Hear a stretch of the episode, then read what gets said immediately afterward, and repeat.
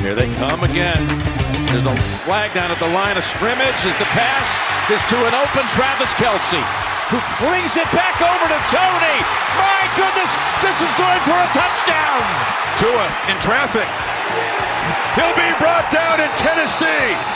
He's going to secure an incredible, improbable comeback victory. Wilson has all day here. Now he's going to take a deep shot. Sutton in the end zone. And Cortland Sutton with a flag down makes the catch for a touchdown. Purdy fake has a man wide open. It's caught. Kittle penalty flag. Kittle on the way to the end zone. It's a touchdown. Flacco throws. Open man. Could go. David Bell. Touchdown. Carr throws end zone touchdown. Guess who? Jimmy Graham. And he got the jump. It's a free play. Fields for more. Got him! Touchdown! Bears lead! Tyron Wallace from the 25. Tyron Wallace breaks out of a tackle, takes it down the sideline. He stays in bounds. He stays on his feet. He takes it all the way and ends the game. There are no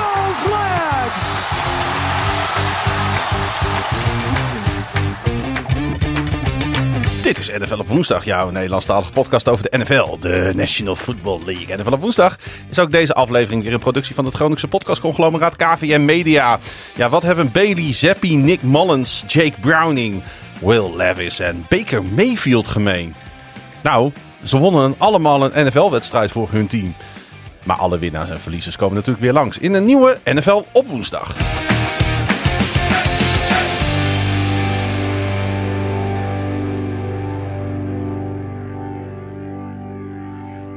Ja, als ik zo dit rijtje namen opnoem, eh, Pieter, dan kun je wel stellen dat we een eh, vrij waanzinnig NFL-weekend achter de rug hebben.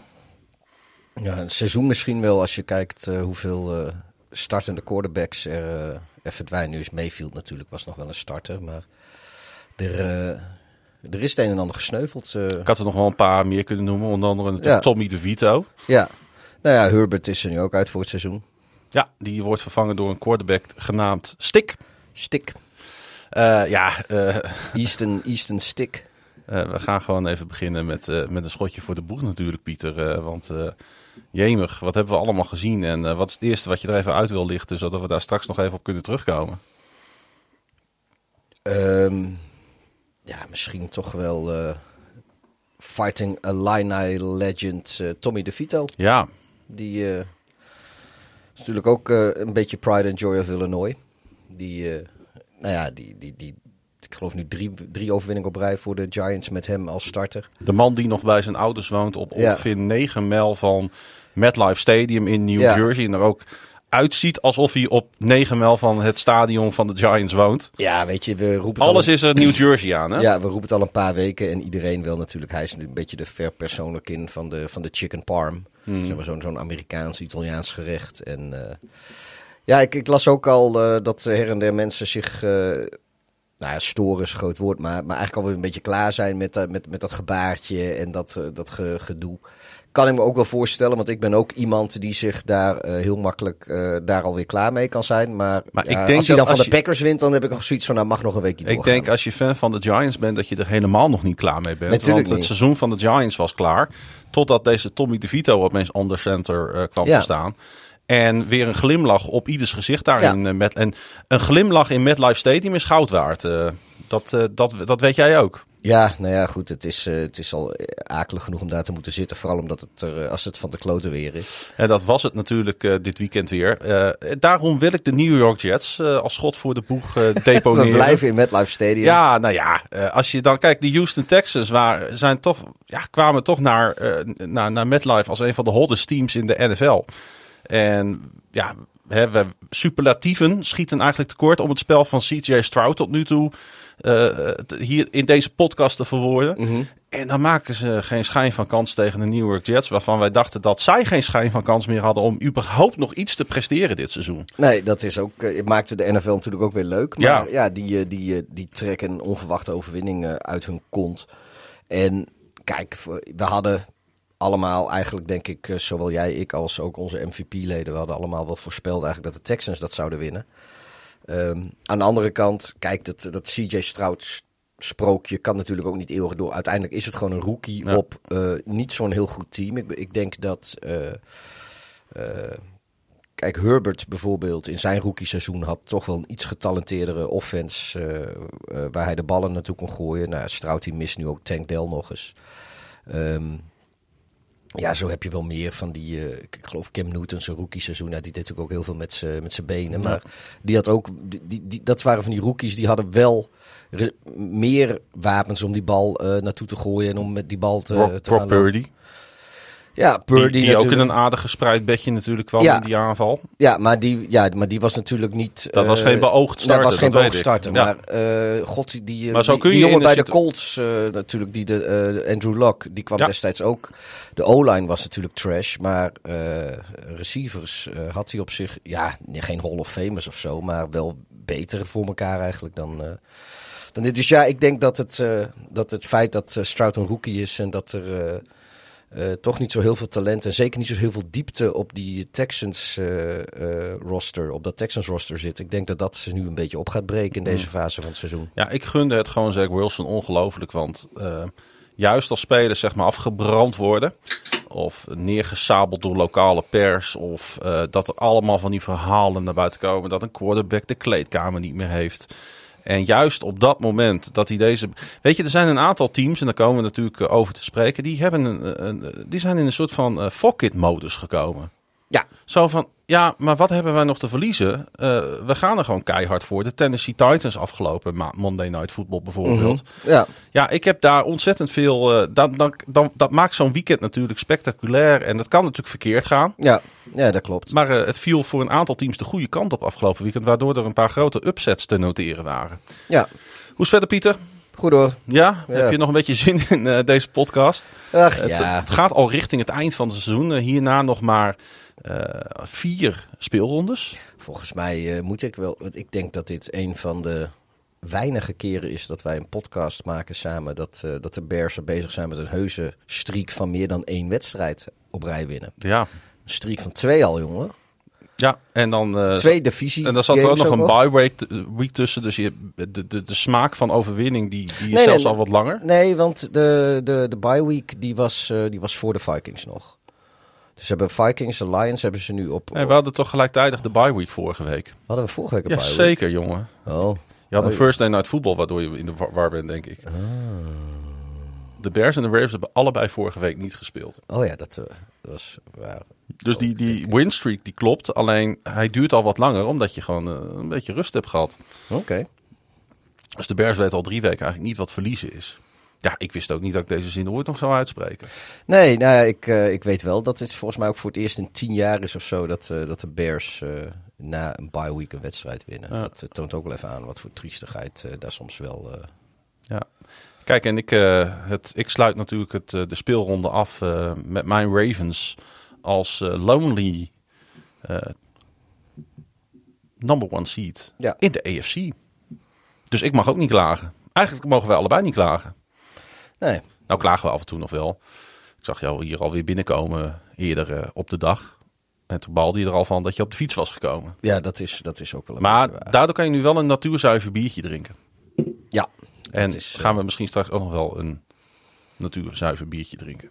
Ik sluit niks uit. Hey, um, ik stel voor dat we eerst eens even de, de, de, de playoff pictures erbij gaan pakken. Voordat we naar de eerste wedstrijd gaan. Want um, iedereen heeft natuurlijk al wel een beetje in de gaten uh, hoe het staat en wat er gebeurd is. Uh, als we naar de NFC uh, kijken, Piet, als we daar nou eens beginnen. Daar staan de 49ers nu eindelijk bovenaan. Omdat natuurlijk de Eagles verloren hebben. De Eagles zakken opeens weg naar de vijfde seed in de NFC. Hè, we hadden het al een beetje aanzien komen. Ook al had jij volgens mij de Eagles in de voorspellingspodcast en ik de Cowboys. Ja.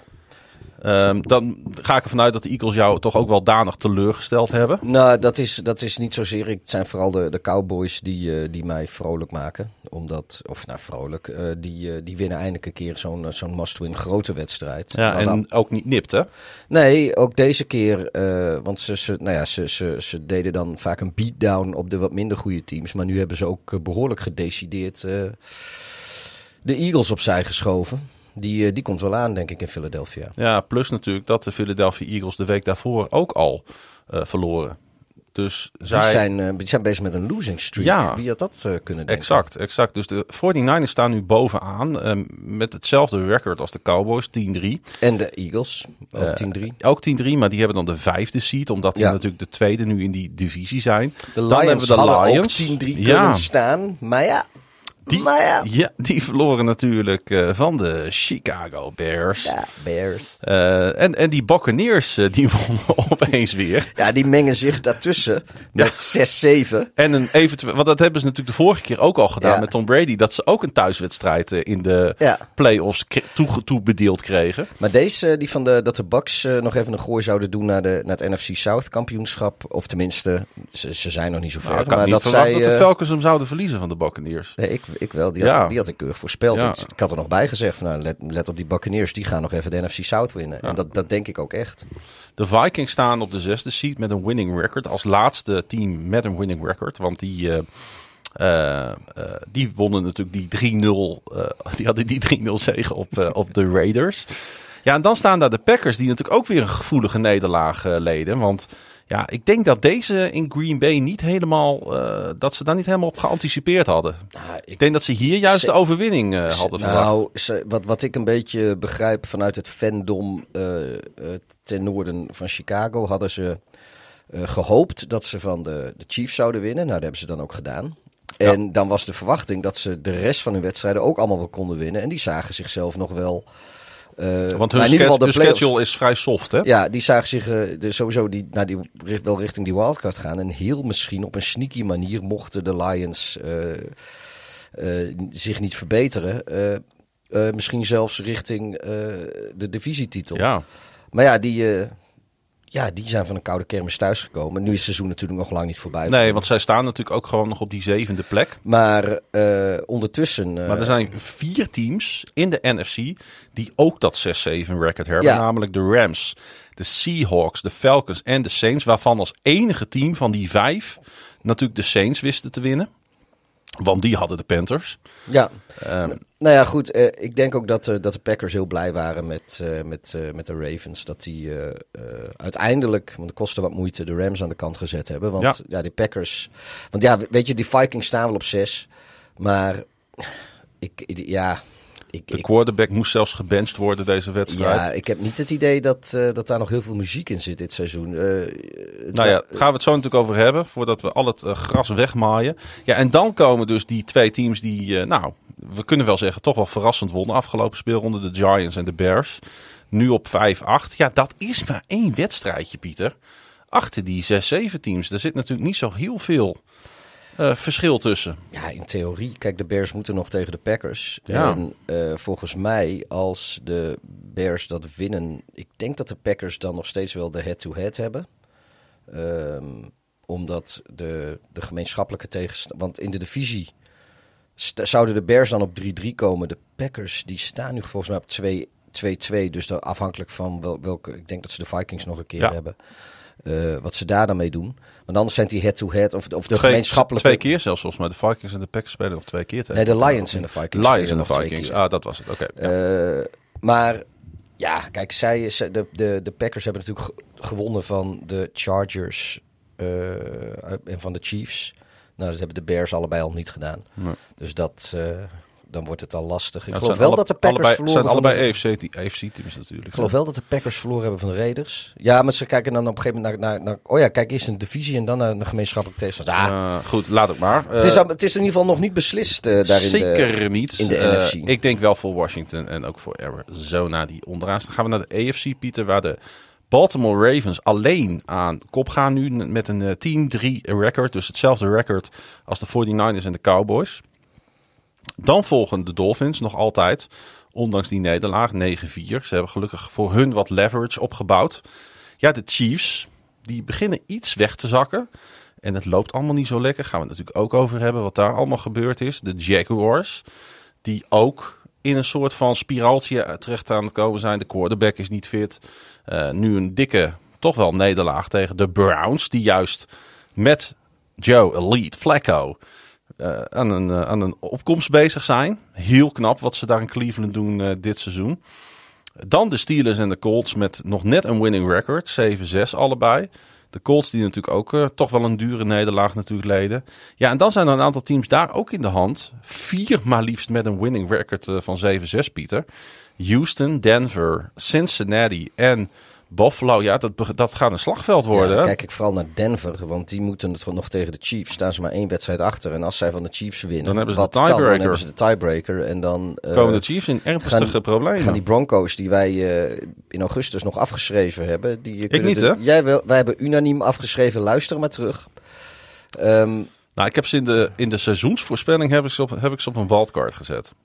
Hebben wij een seizoensvoorspelling gedaan? Zeker. Wij hebben teams afgeschreven en de Broncos hebben wij afgeschreven. Ik ga dat nog wel even opzoeken. Ik heb, ik heb, ik nu wel. Ik heb mijn administratie hier en uh, de Ja, Broncos ja, hebben afgeschreven.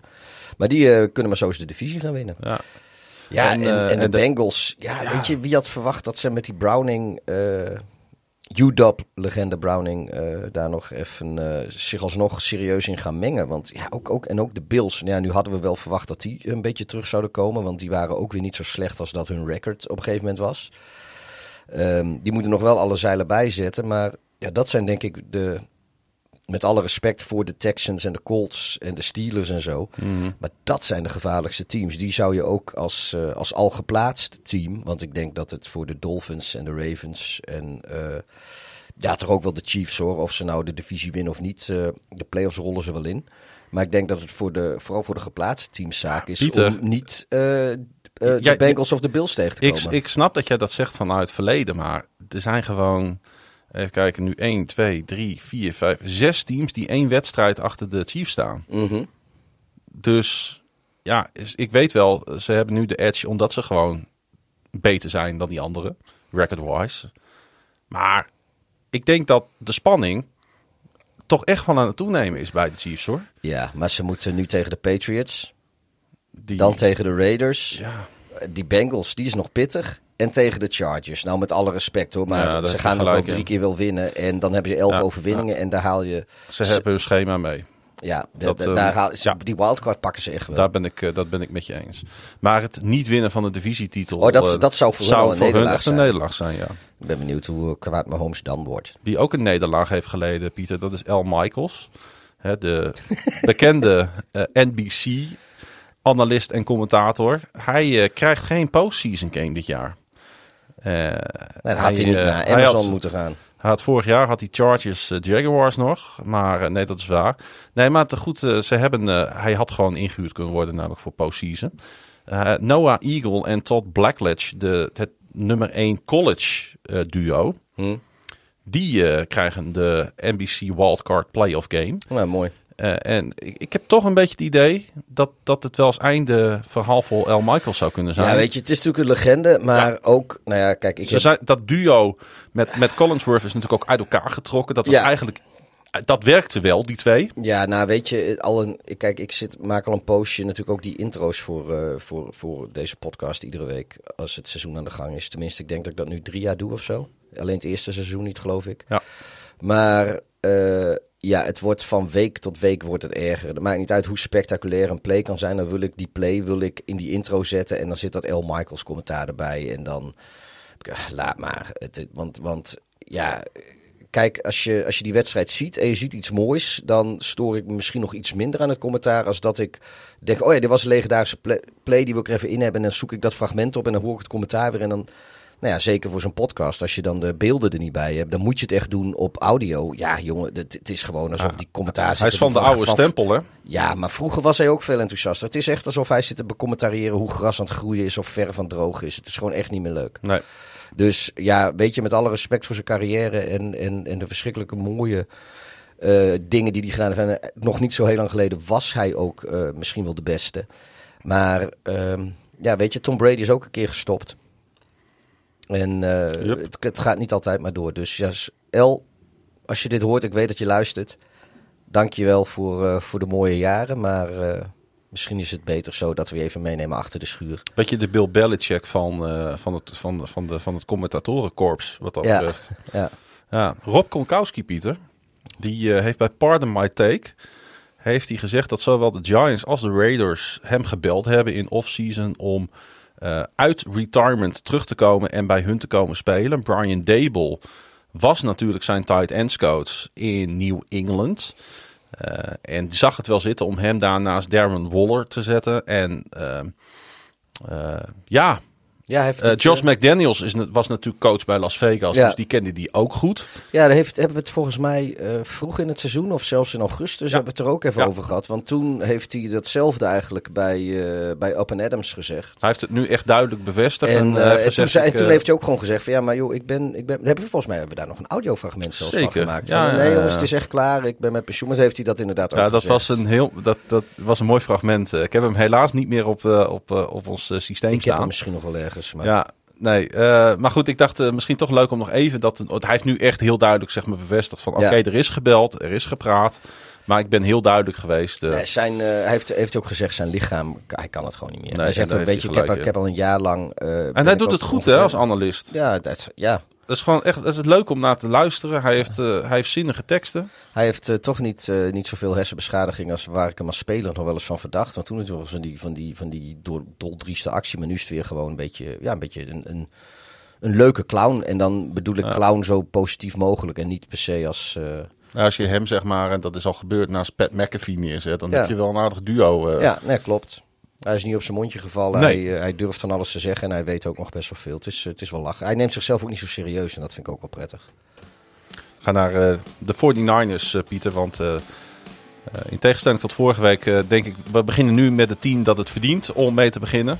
Voor mij op dit moment eh, nog steeds met kop en schouders het beste team in de NFL.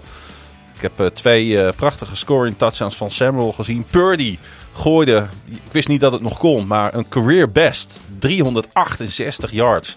En de 49ers die versloegen de Seahawks met 28-16. Ja, ehm, George Kittle met die hele lange touchdown catch eh, was weer on fire. Christian McCaffrey die 145 yards rent. Eh, de elfde opeenvolgende divisie-overwinning van de 49ers. Eh, het, er is Ze hebben niemand die een nog- schijn van kans tegen ze Maar maakt. ze hebben nog één divisiewedstrijd te gaan dan, denk ik. Voor, eh, voor de tweede sweep op rij. Ja, en eh, het- ik denk dat zij nog tegen de Cardinals moeten. Ja. Nou ja, dat wordt eh, natuurlijk helemaal niets voor Arizona. Al zijn die ook een klein beetje bezig bezig. Ja, en Brandon Ayuk, Pieter. Hij voegde ook nog even 126 yards receiving toe. Ja, oh, dat, ze moeten dat, nog eh, tegen de Rams en tegen de Cardinals. kijk. Ze hebben nog twee divisiewedstrijden. dat, dat kwartet eh, aanvalsmakers hè, bij de 49ers, daar kan toch helemaal niets tegen op. Dan kun je AJ Brown hebben, dan kun je Davante Adams hebben, dan kun je weet ik veel niet wie hebben in deze league. Jefferson, noem ze allemaal maar op. Nee, Maar hier, kan, hier is toch geen kruid tegen. Als dit fit blijft, Samuel, Ayuk, Kittle, McCaffrey. ja, En, en Purdy, die in, in principe... Ja, hij had een heel, heel klein slampje had hij even een paar weken geleden. En dan wordt Ayuk vaak nog vergeten te noemen. hè? ja, ja, dat klopt. Ehm, En dan nee. die O-line ervoor. Ja, weet je, ik, ik, ik, ik, dit- dit- dit- ik zag eh, Bobby Wagner, hè, de, zag ik de linebacker natuurlijk van Seattle na de wedstrijd even. Ja, en dan zie je ook de, de absolute verslagenheid van hoe moeten wij in vredesnaam van dit team winnen.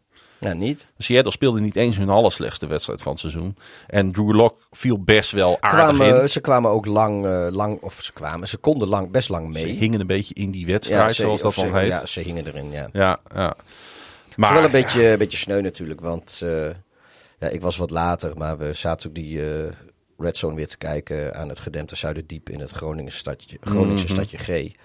Nou, daar zat er een, een blije Ravens-fan en een blije Jets-fan. En toen kwam er nog een blije Bears-fan Ja. binnen. En er zat er zo'n heel, heel klein... Er zat beetje- ook nog een 49er-fan. een voor- en en er zat daar zo'n zo'n zo'n heel klein meisje een beetje, een beetje triestig te kijken Met naar de hoe Seahawks, hoe die, eh, hoe, die, hoe die ingemaakt werden.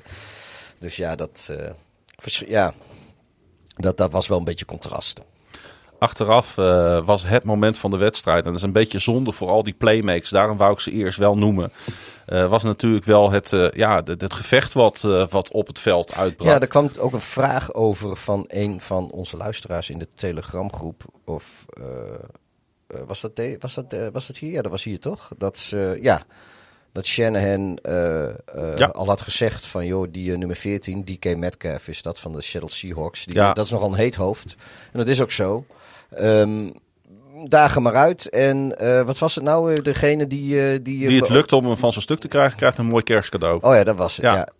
Ja, ze hebben natuurlijk ze hebben, ze hadden de avond voor de wedstrijd in het Santa Clara Marriott in, in Californië hadden ze een teammeeting. En dat schijnt inderdaad, ja, dat ik, het is niet, ik weet niet vanuit welke bron dit komt hoor. Maar het schijnt dit gezegd te zijn inderdaad. Ja, weet je, ik vind hier ook niet heel veel mis mee. Kijk, het is, geen, het is, het is niet wat de Saints eh, eh, destijds deden, bounty hunten. Nee. Dat, eh, dat is het niet. Daar heb ik, want dan, dan probeer je echt spelers te blesseren en daar heb ik verregaande problemen mee. Maar als jij weet dat een speler makkelijk zijn, eh, zijn kalmte en zijn rust verliest als jij die verbaal wat uitdaagt. Afhankelijk van wat je zegt. Kijk, de, je kan, moet natuurlijk binnen redelijke grenzen blijven. Maar als jij gewoon een beetje trash talkt en dat hoort bij American football. En eh, daar gaat, eh gaat helemaal op af. En ja, de- daar vind ik op zich niet zo heel veel, niet Ja, zo heel veel van. Dat, dat met, gewoon, hoort erbij. Met Kev zelfs, zelf na de wedstrijd. Ja, als je het frustratie wil noemen. Nou, yes, it was frustration. From my side, he hit me in the back, off the head. And I just retaliated. Ja. Ja, en daar kun je eigenlijk dan ook weer niet al te veel van vinden. Denk ik van ja, dat Metcalf is natuurlijk, dat is wel een speler die, ja, hij kan niet goed omgaan met verlies. Hij Nee, gaat hij- er wel altijd voor. Zo'n Pete Carroll, die, heeft die, wa- die waarschuwt hem dan van tevoren nog. En dan doet hij het toch Ja. weer. En dan denk ik, ja jongen, tranquilo man. Ja, nee, het lukt hem niet. eh, en, en deze 49ers die eh, werken natuurlijk ook als een eh, rode lap op een stier voor hem. Ja. Brock Purdy, vierde quarterback in NFL history met eh 70 plus completion percentage in zeven opeenvolgende wedstrijden. Dat is dus niet normaal dat, dat je dat zo lang achter elkaar doet. De andere eh, quarterbacks die dat acht keer op rij deden, dus een 70.0 plus completion percentage achter elkaar in acht wedstrijden. We een gok doen. Komt iedere podcast komt dit weer terug. Ik blijf dit altijd leuk vinden. Want dat schept namelijk ook gewoon context. Dan weten we even waar we moeten plaatsen op de lijn der geschiedenis. ja, is dat die eh, Montana? Zeker staat Joe Montana daarbij. eh, ja. Ja, ja, De andere twee zijn eh, Drew Brees en Sam Bradford. Oh ja, Sammy Bradford. Die natuurlijk erg goed was in het begin van zijn car- carrière. En op een gegeven moment ging het downhill en kwam het nooit meer goed met hem. Vikings-legende Sam Bradford. En eh, Debo Samuel, die eh, werd de tweede speler in NFL history met 100 plus receiving yards, een receiving touchdown en een rushing touchdown in back-to-back games. De enige andere speler die dat deed was Timmy Brown in 1960. Oké. Ehm, ja, eh, de, de, de 49ers zijn zij voor jou ook de gedoodverfde favoriet voor de Super Bowl titel op deze manier. Want zie jij ergens in, de, moment in de EFC misschien een team die, die dit team kan Nee, als, eh, als er vandaag de Super Bowl gespeeld zou worden, dan... eh, of afgelopen weekend, zeg maar. Nee, dan gaat hij naar San Francisco. Is het nog eh, van belang om die wedstrijd tussen de Ravens en de 49ers met kerst af te wachten? Gaat dat ons nog een bepaalde indicatie geven? Jazeker. En dat ze... Dat ze Dat zijn, het zijn namelijk op dit moment de twee number one seeds die tegen elkaar Ja, spelen nee, over dat- twee weken. dat is wel lekker. Ehm, nee, dat, dat is denk ik wel belangrijk. Maar ehm, ja, op dit moment... eh, Volledig vind ik de 49ers ongenaakbaar, hè? Vind ik de 49ers Ja. met afstand. Ik, zie Ik ook niet. hoor. Weet je, ze hebben misschien niet de beste defense, maar ze hebben gewoon een hele goede defense. En eh, ze hebben qua cijfers misschien ook niet de beste offense, maar ze zijn in alles zo goed. Ze hebben gewoon eh, ja, hun, hun Maar het is ook, ook coaching, hè? De schemes die zijn zo verschrikkelijk goed uitgewerkt. Ja, maar we- weet je... En uitgevoerd. Ja, nee, precies. Maar ze hebben zeg maar een, een top 3 running back. Ze hebben een top 3 receivers duo. Ze hebben een top 3 tight end. En ze hebben, zoals hij nu speelt, een top 3 quarterback. En ze hebben een Ja. top 10 de- defense. En, ja, en ze hebben een, dus, dus dan hoeft die offense hoeft niet per se het beste te zijn. Maar er is geen enkele offense die gemiddeld zo hoog staat in al die categorieën, zeg maar, qua, Mhm. qua talent. En eh, ja, dan wordt het gewoon heel lastig. Ja. Voor, eh, want als iedereen fit is, inderdaad. Het enige wa- wat ik nog wel zie, zij hebben, ik vind hun pass defense is gemiddeld. Eh, als ze de Cowboys gaan treffen met deze Dak Prescott en wat hij laat zien en ook de schemes die op dit moment de Cowboys eh, perfect uitvoeren bijna allemaal, dan zie ik daar nog wel een upsetje. De Cowboys in de vorm waarin ze nu steken. Ja, dat weet ik ook niet. Want daar kun je ze, over, daar kun je ze door de lucht zou je ze kunnen pakken. Ja, maar ik denk dat, eh, dat, dat alles wat Cowboys doen, dat kunnen de, eh, kunnen de Niners wel beantwoorden. Ja, nou ja, je kan Kijk, ze in het ieder is geval zo- over de grond pak je ze in ieder geval. Nou, maar kijk, zoals de, de, de, de Eagles, die hadden natuurlijk ook een paar turnovers erbij zitten. En, en dat, eh, weet je, dat zijn ook van die dingen die gebeuren in San Francisco Ja. eigenlijk niet. Nee, nee, weinig. Nee, en als het een keer gebeurt, dan is het ook niet erg. Want dan hebben ze genoeg. eh, Nou ja, kijk, tegen een, tegen een team als de Cowboys zou het in theorie Zou duur dat, kunnen ja. zijn. Want eh, in mijn droomscenario wordt dat een wedstrijd die blow voor blow gaat. In de, dat was eerder dit seizoen trouwens ook niet zo. Maar eh, nu wel, dan kan iedere turnover kan beslissend zijn. Maar eh, ja, we gaan het zien. ja. Ehm, Pieter, jouw team van de week. Mijn team van de week. Zit opgeborgen in de volgende wedstrijd. Je mag het eh, zelf bekendmaken aan het publiek. De Dallas Cowboys. Ja, zij speelden tegen de Philadelphia Eagles. En eh, ik noemde het net al, hè, quarterback Dak Prescott, Pieter. Hij eh, is absoluut in, in bloedvorm. Hij staat net niet op een 70% eh, percentage, completion percentage. 69% over de afgelopen acht wedstrijden. Gooide hij twee, 2444 yards, 25 touchdowns, slechts twee intercepties. Wat een verbetering ten opzichte van vorig jaar. En, een- en een 7-1 record, want ze verloren natuurlijk wel die ene wedstrijd van de Eagles. Ja.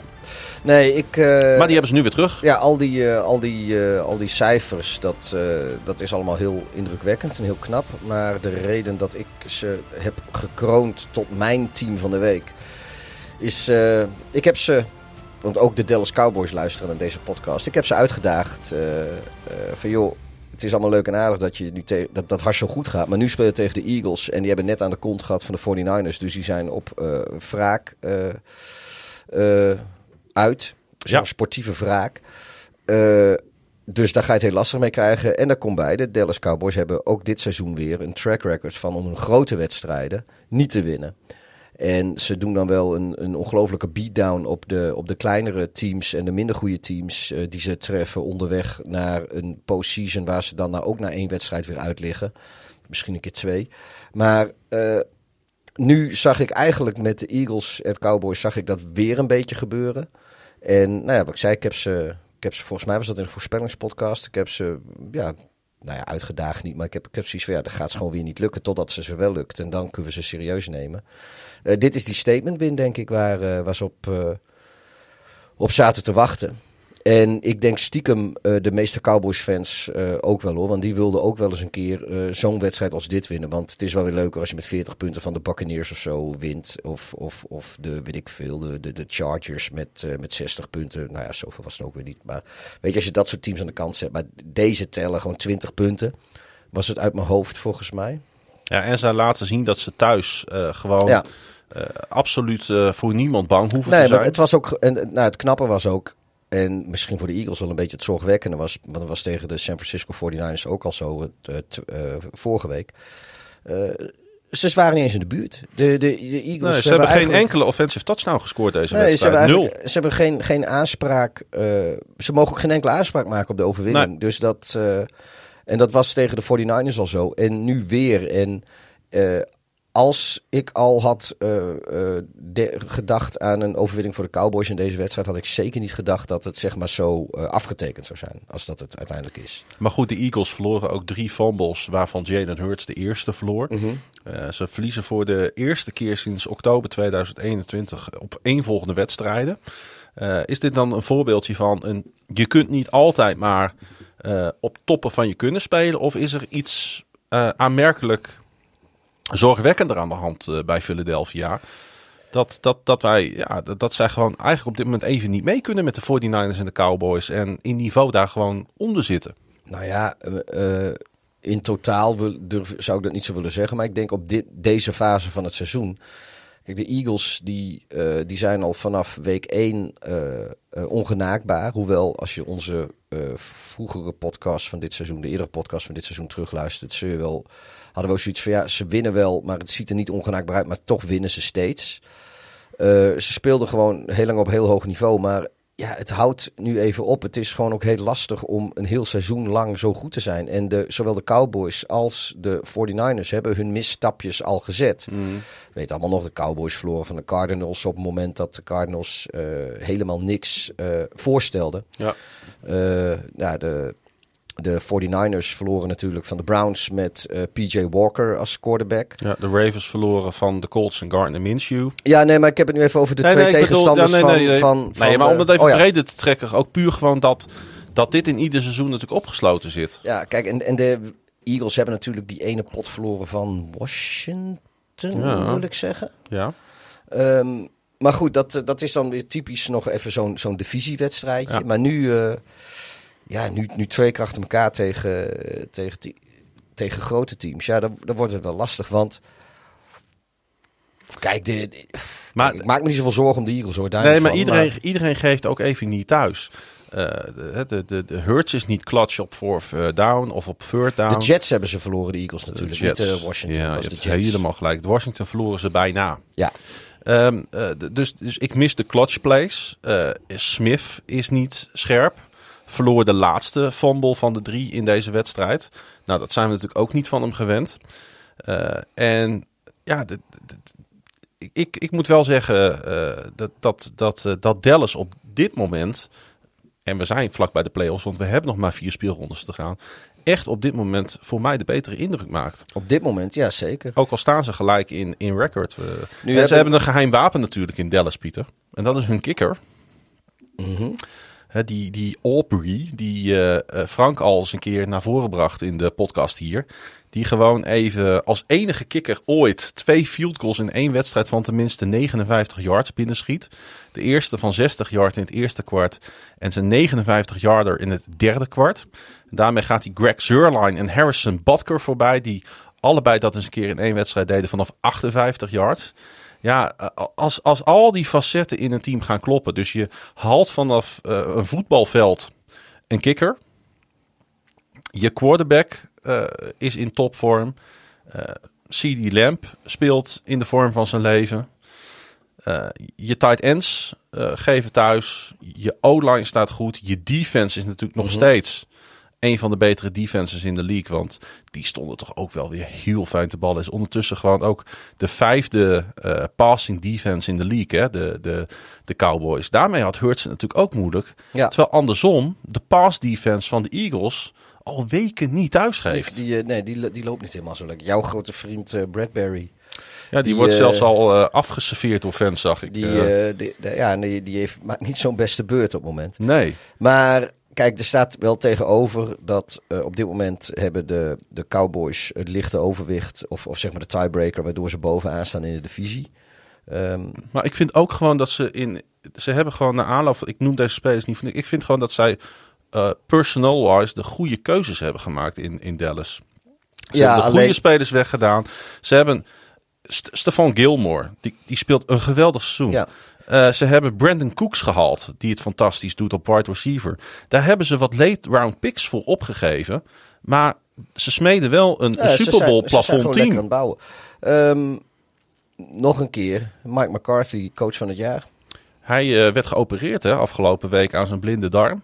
En stond toch gewoon langs de zijkant. Dat vind ik dan toch ook wel stoer. Ja, maar Mike McCarthy, kandidaat coach van het jaar. Ja, Uh, ik moet wel zeggen dat uh, voor de Eagles fans is, uh, om die een beetje een, een, een, hart onder de riem te steken, er is nog geen man overboord hoor. Want met wedstrijden tegen de Seahawks, twee keer de Giants en de Cardinals voor de boeg, zie ik nog wel kansen. Twee keer de Giants? Twee keer de twee Giants. keer Tommy DeVito.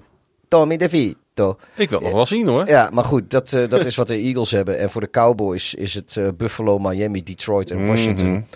Dus um, ja, dat is een stuk pittiger. Ja, kijk, uh, niks uh, is zeker, maar ik, uh, ik zou als ik Eagles fan was, die ja, de, die, over, die divisieoverwinning zeg maar, nog steeds niet uit mijn hoofd zetten. Verre van. Wat is de eerstvolgende voor de Eagles? Voor de Eagles is de eerstvolgende naar Lumen Field in Seattle. Oké, die ook nog strijden voor een wildcard. Mm -hmm. Dat wordt een interessante pot dus. Uh, ja, maar ja, volgens mij is dat ook een primetime game, of niet? Dat uh, zou ik even moeten uh, bekoekeloeren. Het is inderdaad een primetime game op 19 december onze tijd. Welke... Is dat Monday Night? Dat is denk ik een Monday Night. Ja, ja dat is de Monday of, Night. Is, is dat de Sunday Night? Nee, nee, nee. De Ravens hebben Sunday Night tegen oh. de Jaguars. Oké, okay, nou dan zal dat, uh, zal dat een Monday Night zijn. Oké. Okay. En nou ja, we gaan het zien. Ja, ze, stonden er, uh, ze staan er netjes tussen op de vierde seat. Uh, de Tampa Bay Buccaneers, uh, Pieter. Die dus van de Atlanta Falcons wonnen. Ondanks dat Drake London een absolute career day had. Met 10 catches voor 172 yards receiving. ja, het was... die onderlinge wedstrijden in deze divisie zijn eigenlijk allemaal wel heel leuk. Ja. Dat moet ik ze wel nageven. Nou, maar ik bedoel, uh, uh, je kan beter voor de spanning kun je beter soms twee niet zo goede teams tegen elkaar bespelen dan een heel goed team tegen een heel slecht team. Of twee hele goede teams. Uh, mm. Om maar even te kijken naar die wedstrijd die we net bespraken tussen de, tussen de Eagles en de Cowboys. Dat zijn ja. verschrikkelijk goede teams. en, maar heel spannend was het niet.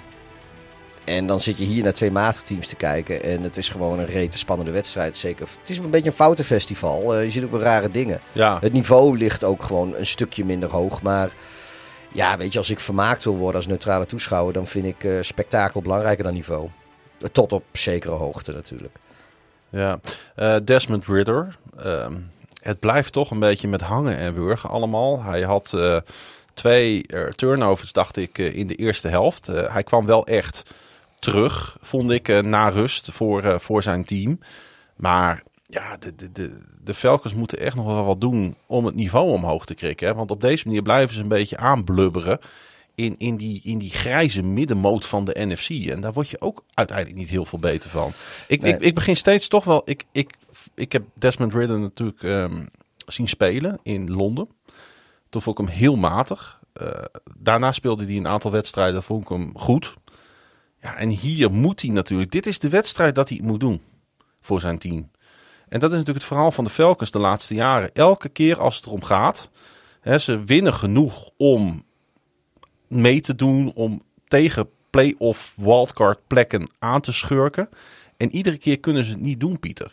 Uh, wat, wat, moeten we in vredesnaam met dit? Kijk, dat de Buccaneers hier nu staan, na alles wat zij ja, hebben opgegeven ik... voor Brady eigenlijk is de, als je tegen, ze hebben precies hetzelfde record nu.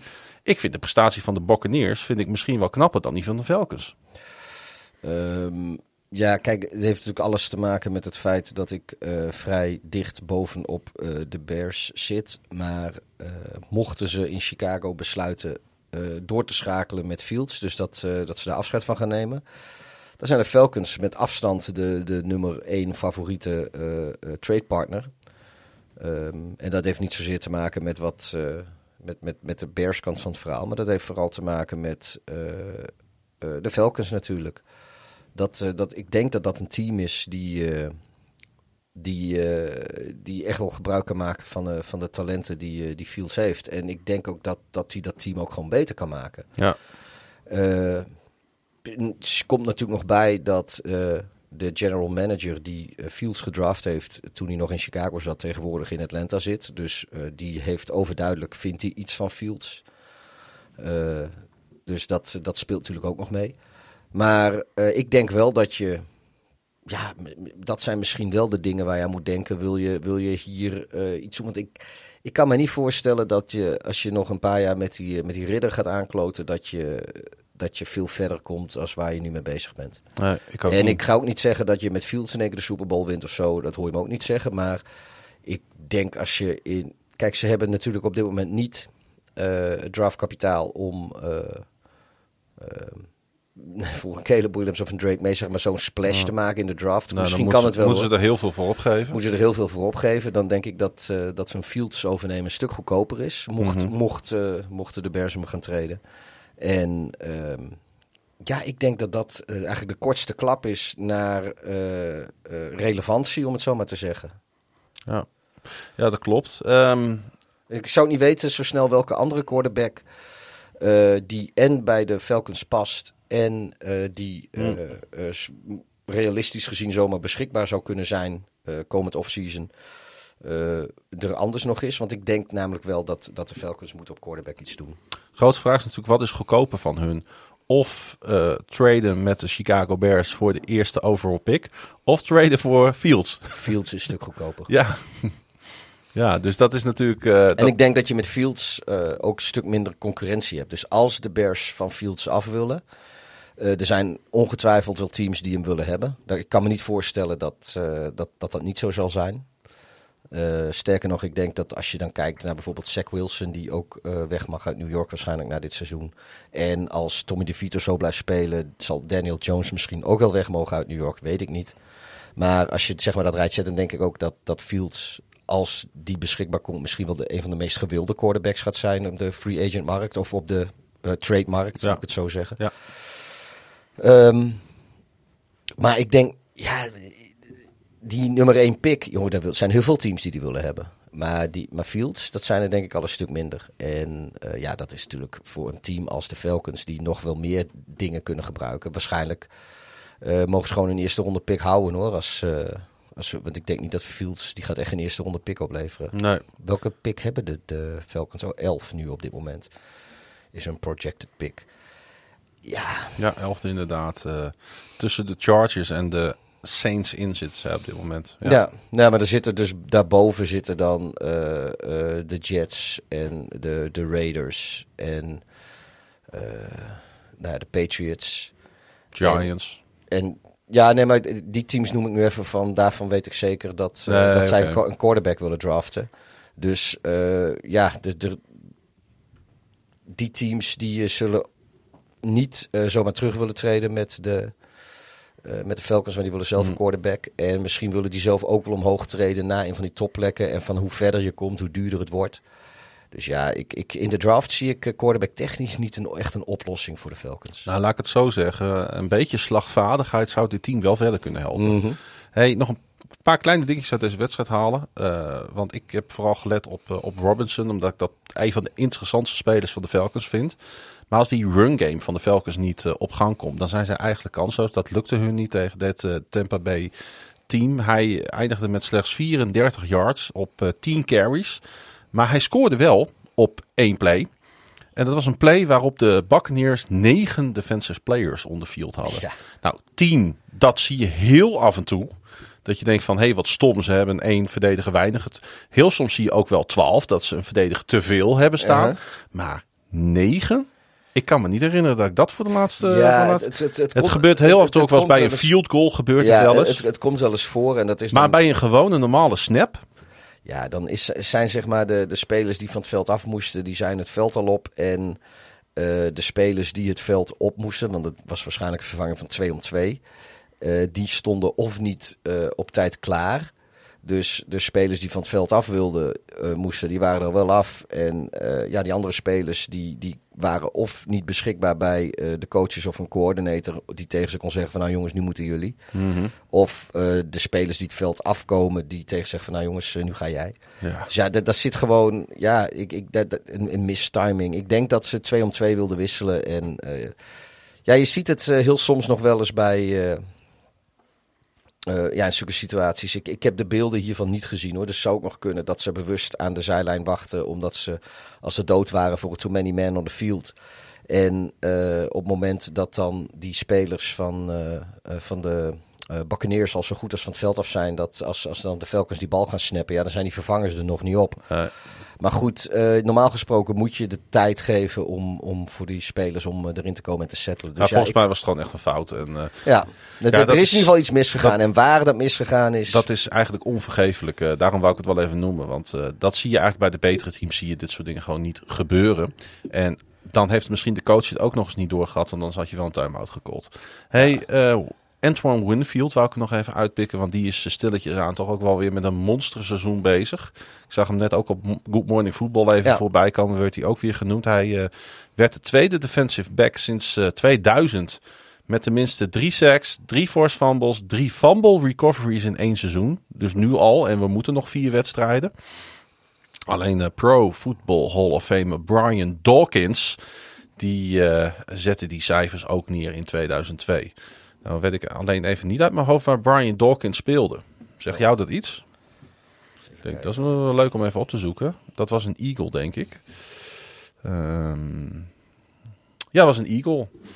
Van uh, 1996 tot 2008. Zat heel diep ergens, uh, zat het uh, nog. En hij speelde ook nog een paar jaar voor de Denver Broncos. Maar Antoine Winfield Jr., hij krijgt even een shout-out in NFL op woensdag. Daar zal hij blij mee zijn, Pieter. Ja, want ook hij luistert. Ja, weet je wie ook blij was, denk ik, met de overwinning van de Tampa Bay Buccaneers? De New Orleans Saints. Oh, dat denk ik ook wel, ja. Want uh, ja, zij uh, hangen ook een beetje in die titelrace natuurlijk. Ja, zij kregen de Carolina Panthers op bezoek, Pieter. En dan weet je eigenlijk wel dat je de win kan, kan bijschrijven. Ik denk dat... God, jongen, jongen, jongen, die Bryce Young. Ja, Begint die... nu ook een beetje gênant te worden, dat ja, is het woord wat een beetje in mij opkwam. Ja, misschien moet je die jongen toch een beetje tegen zichzelf beschermen. Ja. Maar goed, als je hem nu in één keer gaat benchen, dat, dat doet, is ook funest natuurlijk voor zijn zelfvertrouwen. Het is, uh, ja, ik, ik, ik weet niet zo goed nog meer, meer wat, wat ik over, over de Panthers moet zeggen. Ik ook niet. Uh, het, het, het, is een, het is een volledig verloren seizoen. Dat is wel duidelijk. Uh, ja, zij, zij, zij hebben gewoon niet de goede keuzes gemaakt. Achteraf. Want dat nee, ja, we hebben het daar vorige week duidelijk over gehad. Daarom. Respect voor de, voor de poging. Ja. Maar uh, het is maar mislukt. Het is mislukt. En, en, ja. en, het, het klote... wil niet zeggen dat deze quarterback volledig al nee, mislukt maar is. Hè? Het, het kloterige is dat zo'n fout, dat kost je franchise gewoon zo twee tot drie seizoenen. Voordat, je, voordat je daar overheen bent. Voordat je zeg maar... Uh, uh, nou, in ieder geval twee seizoenen voordat je zeg maar, van dat draftkapitaal en het verlies van DJ Moore bekomen bent. En, uh, het is eigenlijk, het is eigenlijk een wonder dat hij nog gezond is. Want ja. hij wordt maar aan de lopende band gesekt. En misschien nog wel langer als uh, Bryce Young gewoon ook je quarterback niet blijkt te zijn. En dat je dus straks, dan moet heb je en geen draftkapitaal. En je moet een nieuwe DJ Moore en een nieuwe quarterback. Dus ja, het is, uh, en dan heb ik nog niet eens over die andere handjevol picks in latere rondes. Die ze, dus nee, het is, het is heel zonde. En ja, nogmaals, ik heb er respect voor dat ze het gedaan hebben. Maar ja, het pakt van alle kanten verkeerd uit. En het wordt gewoon een beetje uh, van week tot week begint het. Uh, het is ook niet meer grappig. Het is nu echt gewoon gênant. Exact, dat, dat, vind ik ook. Ik vind het ook echt gênant. Hey, het was de 200ste overwinning voor uh, New Orleans Saints general manager Mickey Loomis. En dat is best wel bijzonder, want hij voegt zich bij slechts negen andere NFL general managers die die mark ook hebben bereikt. Dus 200 overwinningen voor een GM. Uh, ik, ik, ga, ik, noem ze even, zodat we weten in welk rijtje die staat. L. Davis. Bill Belichick, uiteraard. Want dat is op papier gewoon een general manager, voor wie dat niet weet. Jerry Jones, Tex Schramm, Bill Polian, Kevin Colbert, Curly Lambo en Ozzie Newsome. Dus uh, gefeliciteerd uh, Mickey Polian is toch van de Colts? Ja. Ja. Nee, uh, gewoon... ja... Polian is volgens mij van de Colts. Ja. Voordat we dingen gaan zeggen die niet waar zijn. Nee, nee Buffalo. Volgens mij. dan weet ik het ook niet meer. Colts. Heeft, of heeft hij ook bij Buffalo? Ik weet het eigenlijk helemaal niet. Uh, ja, Indianapolis Colts. Uh, 1998 tot 2009 uh, general manager en team president. Ja. Zo, hoe kom ik bij de Bills dan? Oh, daar is hij ook general manager geweest. Oh. Nou ja, oké. Hey, um, de Saints, die gaan nu natuurlijk met die Buccaneers en Falcons uitknokken wie die divisietitel gaat pakken. Als jij nu moet zeggen, Pieter. Uh, wie, ja, toch ja. de Bucks? Ja.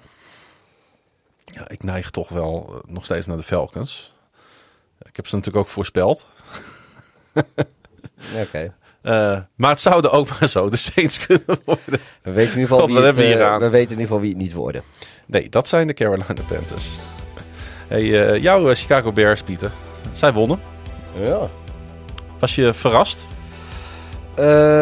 niet helemaal. Beetje revanche natuurlijk ook op de Detroit Lions. Ja, ik was, ik was er wel blij mee. Maar ik heb hem ook voor de, voor de MVP-leden die dus de voorspellingspodcast hebben geluisterd... heb ik ook gewoon gezegd van luister, ze waren er uh, uh, in Detroit heel dichtbij. Sindsdien is Detroit natuurlijk niet heel gek veel beter gaan spelen. Ze hebben natuurlijk wel gewonnen van de Chargers, maar ze hebben ook van Green Bay op hun falie gekregen. Um, Ja, en, en Goff was er weer met zijn turnover. Vanaf, op de een of andere manier had ik al vanaf moment één niet het idee dat de Lions eh, in die wedstrijd zaten. Alleen, Hoe ik, kan dat nou? Want uh, Goff was zo betrouwbaar uh, in, in, een groot deel van dit seizoen. um, ik denk dat de, de run game van Detroit is minder efficiënt. En nu uh, heeft dat er misschien ook wel mee te maken dat uh, de... Ze hebben natuurlijk de afgelopen drie weken twee keer tegen Chicago gespeeld... die ondertussen een top 5 run defense hebben. En dan krijg je eigenlijk weer die Goff waar uh, Sean McVay vanaf wilde in Los Angeles. Um, toen, zij, zij zaten daar destijds met Todd Gurley. En toen ging het nog wel hartstikke goed. Maar toen, toen de efficiëntie van, van, de, van Gurley af was. En hun running game uh, iets minder efficiënt werd. Uh, we hebben nu dus weer over de Rams. Uh, werd het voor Goff steeds lastiger om zelf dat te beslissen. Want hij is. Ja, hij is niet mobiel. Hij blijft in die pocket. En hij is nog wel eens onzeker over zijn, zijn, zijn, zijn doelwitten. Dus hij wil of de bal wel eens te lang vasthouden. En dan wordt gesekt. Uh, of hij gooit wat te snel en er wordt geïntercept. Dan, dat kost hem gewoon nauwkeurigheid. En dat, dat, ja, dat zie je uh, de laatste weken steeds vaker. Ik denk dat heel veel teams doorhebben hoe ze Lions en Golf moeten bestrijden. Ja. En zeker de Bears. Want ja, wat ik zei, ze hebben dat in Detroit eigenlijk al gedaan. Maar door een implosie van hunzelf hebben ze... knap nog hoor. Even, sowieso hoe de Lions toen die wedstrijd nog wel wisten te winnen. Maar dat... Dat had natuurlijk alles te maken met, uh, met hoe de Bears het verneukten. En dat deden ze deze keer gewoon niet. Ze, ze hebben eigenlijk die, die voet nooit echt, echt meer van het gas gehaald, om het zo maar te zeggen. Voor rust uh, scoorden ze even twee touchdowns, de Lions. Toen dacht ik, hé, hey, ja. deze wedstrijd flipt nu even heel ja, snel. Ik, ja, en dat, dat, daar was ik ook wel eventjes bang voor. En dat heeft dan meer te maken inderdaad met dat ik nog wel eens twijfel over hoe... Um, weerbaar de Bears zijn. Want dat is dit seizoen natuurlijk. Ja, maar een shutout in de tweede helft. Ja, die defense die kwam in de tweede, tweede helft. Ja, die heeft die eigenlijk die wedstrijd gegrepen en nooit meer teruggegeven. Nee. En ja, zie ik wat, wat slimme dingetjes uh, zie je dan wel weer. Weet je, de, de, de, de playcalling was. Ja. Tuurlijk heeft Fields had er weer wat momenten dat hij, dat hij een vrije receiver niet ziet. er zaten wel wat slordigheidjes in. Hij werd, ik geloof dat Fields drie of vijf keer is gesekt. Dat weet ik niet uit mijn hoofd. Ja, golf vier keer in ieder geval. Oh, ik dacht golf vijf keer. En nee, vier keer. Oké, okay, nou ja, goed. Field. Maar ook, uh, maar en één of twee van die seks, dat lag ook echt wel weer aan hemzelf. Maar goed, hij heeft uh, uh, geen turnovers volgens mij, als ik me goed herinner. Drie keer. Drie. Nou ja, ja, waarvan één keer sowieso zijn eigen schuld was. Maar ja, weet je, het, het, het klopt gewoon. Die O-line van de Bears, die werkt weer een beetje... Um, ja. Uit een paar hele goede ballen. Hij miste ook wel wat, maar... Nee, ik vond de, de Bears hebben gewoon een hele degelijke wedstrijd gespeeld. En die defense, jongen, die is echt verschrikkelijk goed aan het worden. En nu heeft dat ook misschien wel mee te maken met de tegenstanders die ze gehad hebben de laatste weet ik hoeveel weken. Uh, ik vond de mooiste play eigenlijk toch wel de scramble van Fields. Voor op dat moment 25-13. Uh, helaas was de two-point conversion daarna incomplete. Uh, hij, het was een... Oh, die, die touchdown. Het was een, ja, precies. Het ja. was een third down. En um, natuurlijk, die, die paas die hij gooide was ook schitterend. Maar hier laat hij echt zien van... Wacht even, ik ben een threat. En je ja. weet niet wat je, uh, wat, je, wat, je, wat, je, wat je te komen staat. Ja, nee, dat is ook Ik zo. zeg dit niet in goed Nederlands. Wat, wat je te, te wachten staat. staat. Ja, nee, dat klopt. En, uh, dat vond ik zo tof aan die play. Dat ik dacht van ja, de Lions hadden geen idee dat die, waar, waar die heen ging en konden dit niet stoppen. Dit was de slechtste rushing wedstrijd volgens mij die Field speelde tegen de Lions. Ja. Uh, normaal gesproken is hij tegen Lions altijd goed voor nee, geweest dat, voor minimaal dat, 100 daar yards. Daar plonk hij niet in uit inderdaad. Maar nee, het gaat, de, deze, dit hoefde deze keer Dat hoefde niet. dus niet, nee. Exact. Nee, maar hij, dit was de eerste keer dat hij tegen de Lions speelde en niet minimaal 100 rushing yards had. Uh, wat hij wel gedaan heeft deze wedstrijd is... Uh, maar een beetje een soort van Lamareske play was dat. Hij heeft, ja, hij heeft over Lamar gesproken. Fields die heeft deze wedstrijd dus een 2000 rushing yards en 5000 passing yards in zijn carrière gedaan. Mm. ik geloof dat het zijn 36e wedstrijd was. En uh, Lamar Jackson heeft dat, is de enige andere quarterback die dat heeft. En die heeft er volgens mij daar verschillende statistiekmakers over. Sommigen zeggen 33, anderen zeggen 35. Maar dat hangt volgens mij een beetje vanaf of je dus Fields zit er dichtbij in de buurt in ieder geval. Volgens mij hangt het vanaf of je postseason ah, meerekent ja. of niet. Nou, laten we dat gewoon niet doen. Uh, want Fields heeft het ook niet gespeeld, dus alleen maar regular season games. En dan is het denk ik eh, 33 om 36. Eh, maar dat toont, we- toont wel wat aan. En ik, ik was eigenlijk al klaar om door te schakelen van Fields. Ik begin, niet per se om deze wedstrijd, maar ik begin toch ook alweer een beetje te twijfelen. Ja, dat snap ik. Ehm, wat, wat gekke statistiekjes. En dat heeft ook alles te maken met dit seizoen hoor. Maar Fields heeft op dit seizoen een, high, een hogere gemiddelde passing rating dan Joe Burrow en Trevor Lawrence. Om maar wat te noemen. Hij eh, heeft een betere touchdown-interceptie ratio dan Patrick Mahomes en Josh Allen. En hij heeft meer rushing yards per game dan Jalen Hurts en Lamar Jackson. En natuurlijk is dat enerzijds een beetje cherrypicken van statistieken. Maar aan de andere kant denk ik, ja, als je passer rating hoger is dan van Burrow en Lawrence. Het, weet je, het zijn, het zijn wel eh, namen waar, waar je tussen voegt.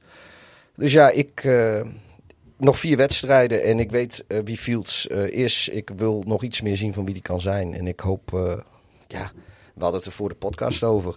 Als de Bears eh, de- hun eerste overall pick niet hoeven te gebruiken voor een quarterback, omdat het vertrouwen in Fields er is.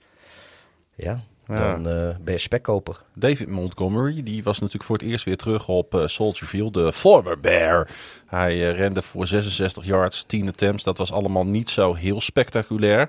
Eh, maar het moet toch wel even raar geweest zijn om hem op Soldier Field in een eh, Lions jersey te zien, of niet? Ja, eh, in het begin heel even wel, maar ook vrij snel niet, want zo, zoveel hebben we hem niet gezien. Nee. Heeft wel een paar goede plays had hij hoor. Wat hij liet zien was goed. Maar ook dit is weer de Bears draften running backs goed. Ze hebben zelden zeg maar de, de Saquon Barkleys of de Ezekiel Elliott's of de, de Taylors of wat dan ook. Ehm, maar Montgomery was gewoon een hartstikke goede running back voor hun. En daarvoor hadden ze natuurlijk eh, eh, eh, Jordan Howard. Wat gewoon een hartstikke goede running back was. Maar nu hebben ze met Herbert en Roshan Johnson. En ze hebben ook nog die De- Deontay Foreman. hebben ze ook nog even uit Carolina weggehaald. Eh, ja, ze, ik mis Montgomery in die zin niet. Nee, maar in Detroit doen ze het natuurlijk ook wel aardig hè, met Gibson. Oh, oh hebben ze zeker. ook een hele zeker. tandem staan. Nee, dat klopt. ja. Zeker weten. Maar ik... ik ja, nee, ik, ik zou, ik- als ik in Detroit eh, zou wonen en ik was een Lions fan... was ik ook heel erg blij met Montgomery geweest. Maar op dit, ik denk niet dat Chicago eh, fans Montgomery hoeven te missen op dit moment. Ja. Met alle respect voor David Montgomery. En Wat betreft de Lions, ik maak me dan toch een beetje zorgen hoe zij eh, een beetje met hinkstapsprongen richting de playoffs gaan. Want ik denk dat zij blij mogen zijn oprecht dat de Packers verloren hebben dit weekend. ja, want het vuur, het heilige vuur lijkt een beetje weggeëpt. Eh, ook bij Dan Campbell. Ik zag hem na de persconferentie een beetje gekunsteld vooruitkijken naar de volgende wedstrijd die zij spelen. En dat is eh, als, uit mijn hoofd in New Orleans. En dat wordt me een... een, een, een, eh, oh nee, nee, Den- ze, moeten, ze moeten thuis tegen Denver. Ja, ik weet wel waarom ik in de war ben. Want ehm, eh, Campbell heeft onder Peter gespeeld en Ja. gecoacht. Ze hebben net van New Orleans gewonnen. Exact, hiervoor. exact. Ja, ja, ja. Maar ik denk dat hun een, een, een heet zaterdagavondje in Denver staat te wachten. Ja, kijk, ze hebben natuurlijk die, eh, die even een mooi woord eh, ga ik even gebruiken nu voor de luisteraars. Schrijf maar even mee. Na die pandoering in Baltimore. sowieso een hele mooie zin. hebben ze gewonnen van Las Vegas met eh 26-14. Maar goed, wat is dat waard? Want het is Las Vegas. Eh, toen hebben ze gewonnen van de Chargers. 41-38. Kun je zeggen, hartstikke mooi. Maar je hebt ook 38 punten weggegeven aan de Chargers. Eh, nou, toen hebben ze nog gewonnen van Chicago. Daar hebben we het over gehad. Dat had eigenlijk hadden ze niet moeten winnen. Maar goed, 31-26. Ze trekken hem toch uit het vuur. En vervolgens verlies je van Green Bay thuis. Je wint dan nog wel van New Orleans. Ook weer 33-28. Terwijl New Orleans op dit moment ook gewoon best wel een dysfunctionele eh, eh, eh, organisatie is. Voor wat betreft hoe ze spelen. Nou, en nu krijg je hem vrij hard, vind ik, aan de kont. 28-13 vind ik vrij hard. Aan de kont van je. En nu moet je dus nog naar Denver.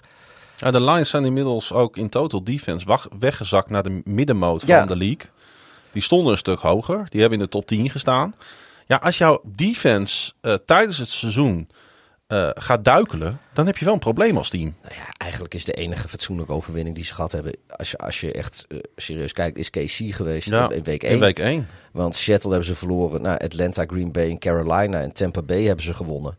Ja, eh, weet je, die zaten op dat moment ook... Ja, nee, niet dat ik nu... Ik ga nu niet, niet I told you Maar so. eh, de eh. fans zagen natuurlijk al een beetje aankomen. Die begonnen ja, ja. al wat te fluiten in, op Ford Field de laatste weken. Ja, nee, dat klopt. Die Het is- voelen ook van, hé, hey, wacht eens even. Wij weten, wij weten waar we vandaan komen. we weten hoe dit af Ja. gaat lopen. Ja, nee, dat klopt. Er waren ook.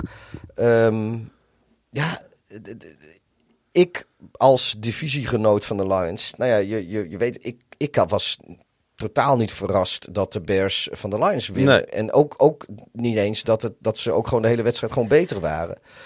Ehm, maar ja, dat die Lions-fans, die zien dat team iedere week. En, en nou ja, dat rijtje die ik net opnoemde, de overwinningen die ze gepakt hebben. eh, dat was bepaald niet tegen overtuigende teams, maar wel kregen ze nog een shitload aan punten tegen. En die overwinningen waren best wel moeilijk. Eh, en, en kijk, dat, nou ja, de, de Ravens die hebben onlangs nog tegen de, tegen de, de Chargers gespeeld. Ja, eh, ik heb toen ook gezegd, dat was niet verschrikkelijk overtuigend, maar het was uiteindelijk wel, geloof ik, was het 2010 of 24, 24-10? 10. Ja. Weet je, je houdt ze gewoon op 10 punten. En, eh, Nou, 14, twee touchdowns. oh ja, 14, sorry. Ja. Maar goed, je, je, je houdt... Hier onze vrienden uit Detroit, 38 punten geven ze op. ja, dat is veel te veel. En New Orleans ook, weet je. Scoren 28 keer. Ja, als, als, Nou, dat zeg ik. Die defense die is, die is gekukeld. Die is gewoon tien plaatsen naar, naar beneden ja gezakt. en dan speel je een keer tegen fatsoenlijke defense. Zoal, want nou ja, ondertussen is die van Chicago dat. Ja, en dan krijg je zelf met heel veel Ja, moeite ja, 13 ja, punten op het bord. En je racht er een partij turnovers doorheen. Ik hoop echt dat de Lions een statement kunnen maken in de playoffs. Want die gaan ze halen.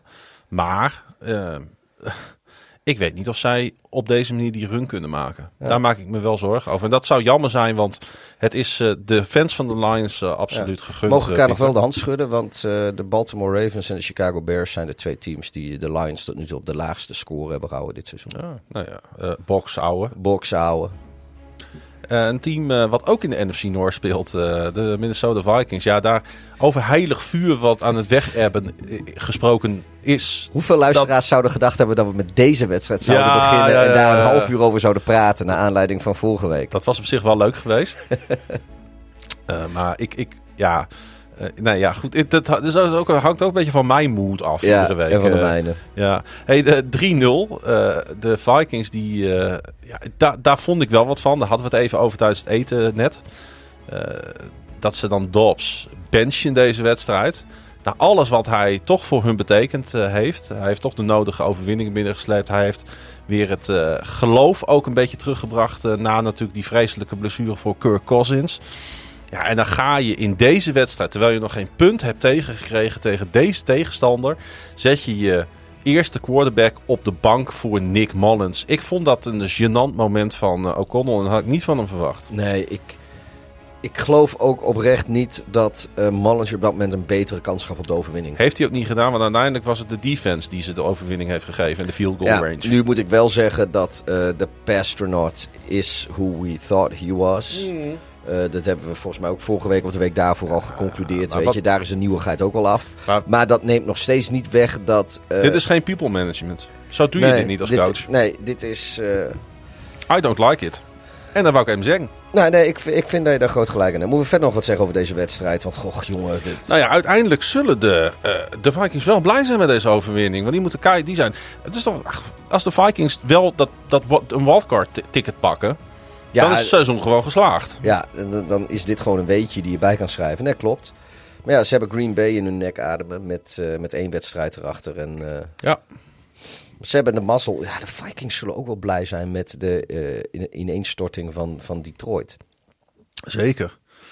Ja, maar het biedt ook gewoon weer perspectief voor volgend jaar. Want laten we eerlijk zijn, de Vikings, ja, ze moeten dit seizoen uitspelen. En eh, dat doen ze het liefst natuurlijk met een playoff ticket. Want Ja. dat, dat, dat, eh, dat is goed voor hun aanzien. Dat is goed voor O'Connell. Dat is goed voor Justin Jefferson. Die day-to-day is richting de wedstrijd van zaterdag tegen de Bengals. Want hij moest vrij snel naar het ziekenhuis worden afgevoerd. Ik geloof de eerste, eerste drive al zo'n Ja, beetje. ja, dat, Nou, hij moest niet naar het ziekenhuis worden afgevoerd. Nou ja, hij, kreeg hij enorme hitteverdragen en had zoiets van nou, voor de zekerheid eh, ja, gaan we even, even kijken even die of, longen eh, eh, onder de foto nemen. of hij niks mankeert. Ja. Ja. Maar eh, de Vikings eh, doen gewoon nog mee om de wildcard. Dat is in ieder geval de conclusie van deze wedstrijd, Pieter. Ja, wie ook meedoen voor een wildcard in de NFC, dat zijn de New York Football Giants. Eh, die dus eh, toch wel verrassend, denk ik, voor heel veel eh, mensen. Het was voor mij ook wel een verrassing. van de Green Bay Packers wonnen. Leuk hè? Met de legendarische Tommy DeVito. Ja, Ja, ik, ik, wij, wij hadden het al even over hem aan het begin van deze aflevering. Nee, ik, ik, ja, ik vind Tommy DeVito een van de, een van de storylines van ja dit nee, het, seizoen. het is gewoon een leuk... Het is gewoon hoe je een... Het zat ook ramvol in het Ja. stadion. Mensen, je, wat één zo'n toevallige dat- kan doen voor je franchise. Hè? Ja, maar het, het is ook gewoon zo. En eh, kijk, het is, ik, ik wil bijna wel een beetje het parallelletje trekken met eh, eerder dit seizoen eh Taysom Bagent bij de Bears. Dat, dat die daar in één keer kon backuppen. Nou, hij heeft ook twee wedstrijden voor Chicago gewonnen. Als eh, een beetje zijn vader wereldkampioen aanborsten. Nou, dat, Ja. dat is allemaal besproken. Het was precies in die tijd dat Ja. ik weg was. Jack Browning is ook Ja. eh, En, een en andere voorbeeld. ja, maar goed, de, de Bengals ja, die hadden natuurlijk nog wel een wat beter seizoen. Kijk, op, op het moment dat, eh dat de Vido bij de Giants kwam spelen, ging starten, was het hele seizoen, was, was, was ja, weet je, ja, er, er was voor de Giants-fan eigenlijk geen reden meer om naar een wedstrijd te, te gaan. Laat, Het chagrijn Eigenlijk was de- ook heel groot over Daniel Jones. ja, eigenlijk hoefde hij tv al niet eens meer aan te zetten. Laat staan dat hij naar het stadion ging. En dat was min of meer, en vandaar dat ik die parallel trek, in Chicago met Bagent, eh, toen die kwam, ook een beetje zo. Nu heeft nu Tommy het- DeVito drie wedstrijden Ja. op rij gewonnen. En, en dan zie je hoe dat gewoon, eh, wat voor effect dat heeft. En, en hoe, kijk, winnen geneest alle ellende in, in sport. Dat is, dat is sowieso natuurlijk een, een, een waarheid. Maar de manier waarop het verhaal en het karakter van de jongen en, dan dat, en de memes en dat die familie op de tribune En die gebaartjes, zaakwaarnemer. Ja, die, ja, die er ook weer bij staat als, alsof die... eh, Rechtstreeks uit de Sopranos eh, ja, komt. I'll make you an offer you can't refuse. Ja, precies. Spicy meatball. Ja, nee, dat... eh, Maar hij, hij eh, levert gewoon de Vito, want daar moeten we niet hij wordt ook gewoon gaan. beter steeds. Ja, maar ook op, op ja, het, is- het- met alle respect, het, het, het is allemaal second string wat er rondloopt daar eh, bij, op, bij, de, bij de Giants. Ik vind zelfs Saquon Barkley op dit moment second string. Hoe die Ja, dan die- die fumble ook weer verliest, dan denk ik, oh jongen, jongen, jongen, jij hebt was niet best. niet meer wat je ooit had. Nee. Maar ja, dan gooit hij op Wendell Robinson, die 32 yard pass touchdown. Schitterende touchdown met een schitterende catch. Ja, ja dat, is, dat is echt, eh, die, die play was echt American football porno. Wat dat betreft. Ik vond het echt fantastisch om. Ja, ik heb echt. Want ik zat te switchen tussen die twee wedstrijden. Ik zat eigenlijk de, de Dolphins en de Titans te kijken. Maar ze hadden af en toe een second screen ernaast. Wat, eh, heb jij vannacht nog iets daarvan kunnen zien? Of, eh? Nee, ik... eh, ik Want ze hadden dus een double header voor de goede orde. Twee Monday Night Footballs ik- ja, dat simultaan. Ja, maar ik heb niet live gekeken, want deze boy moest ook gewoon weer Nee, een dat beetje is, werken. Dat is ook eh, absoluut eh, niet erg. Dat, dat zullen de meeste luisteraars namelijk niet hebben gedaan. Daarom kunnen wij er af en toe ook nog wat over babbelen, zodat we de mensen nog een beetje bij kunnen praten. Ja, ik heb eh, van beide wedstrijden heel erg genoten, omdat het scoreverloop gewoon heel spannend was. Maar ja, ik, ik, ik, ik, ik hou van. ik hou ervan dat, dat bij teams waar het niet goed gaat, spelers opstaan. Ja. Het worden gewoon nieuwe helden weer tijdens dit seizoen geboren. Wat ik knap vond ook, de Fido niet gesekt. Nee. En dat, eh, dat is wel netjes. Tegen een eh, defense die de laatste week uitstekend presteerde. Ja, wat, eh, wat vinden we nu van Green Bay, eh Klaas-Jan? Nou, ik vind het een hele verrassende nederlaag. Ik, ik had niet verwacht dat zij eventjes op Monday Night Football primetime in New York zouden winnen. Dat ook weer niet. Maar dat zij hier niet met de overwinning weg zijn gekomen. En het was ook gewoon, het was 22-24. Ja. Maar de overwinning van de Giants was absoluut terecht. Ja, maar kunnen de, kunnen, kan de, de, de, de Green Bay Packers eh, hype train, die kan weer een beetje wat gas terugnemen? Ja, De Jordan Love vlaggen kunnen die weer iets minder hoog in het eh, iets minder hoog geheven worden of, of ja natuurlijk. Want eh, deze wedstrijd had ze op een winning record kunnen eh, brengen. uh-huh. En een winning record in de NFC is ontzettend veel waard. Want dan, ja, met een winning record haal je de playoffs. Nou, niet, zo- het had ze gelijk gebracht. met- En nou met- staan met- ze weer ja, in die hele groep. Het had ze gelijk gebracht met Minnesota en eh, tot op één wedstrijd van de Lions. Ja. Ja, en, en dit, dit, dit had het. Oh, sorry, had- twee wedstrijden nog achter de Lions. Ik moet niet ja, ik wou zeggen, die hebben negen overwinningen. Die gaan ze ook niet inhalen, denk ik hoor. Eh, nee, dit, dit, dit valt mij ontzettend tegen van de Packers. Het was geen goede execution. Ze hebben denk ik de Giants ook ergens een beetje onderschat. Eh, ze waren niet goed ingelezen op de aanvalspatronen van de Giants, vond ik. Hè, dat, dat, dat, eh, dat ging af en toe te makkelijk. Ja, en ze waren gewoon niet scherp genoeg deze avond. Hè, Jordan Love moest te veel forceren. En eh, de run game bracht te weinig. Eh, met name AJ Dillon, average 3,5. Nou, dat vind ik niet goed genoeg voor Dillon. Mhm. Ik vind dat, hè, als je het dan over Montgomery had, die had wat minder carries, maar die zat op zes- gemiddeld meer dan 6 yards per carry. Ja, maar nu vind ik Montgomery ook gewoon... Ja, nee, Dylan is een prima back hoor. nou, maar dat is, hun, Mon- dat is hun go-to back. Maar ik vind Montgomery beter. Ja, maar dit, dit is hun eerste Ja, start. ja, dit is hun start en de running back. Die moet het voor hun doen. Ja. Die moet op first down minimaal 4, 5 yards pakken. Zodat Love eh, over dat veld kan marcheren. Heeft, En eh, hij moest te veel forceren deze wedstrijd. Volgens mij heeft eh, Dylan heeft dit seizoen nog geen 600 rushing yards.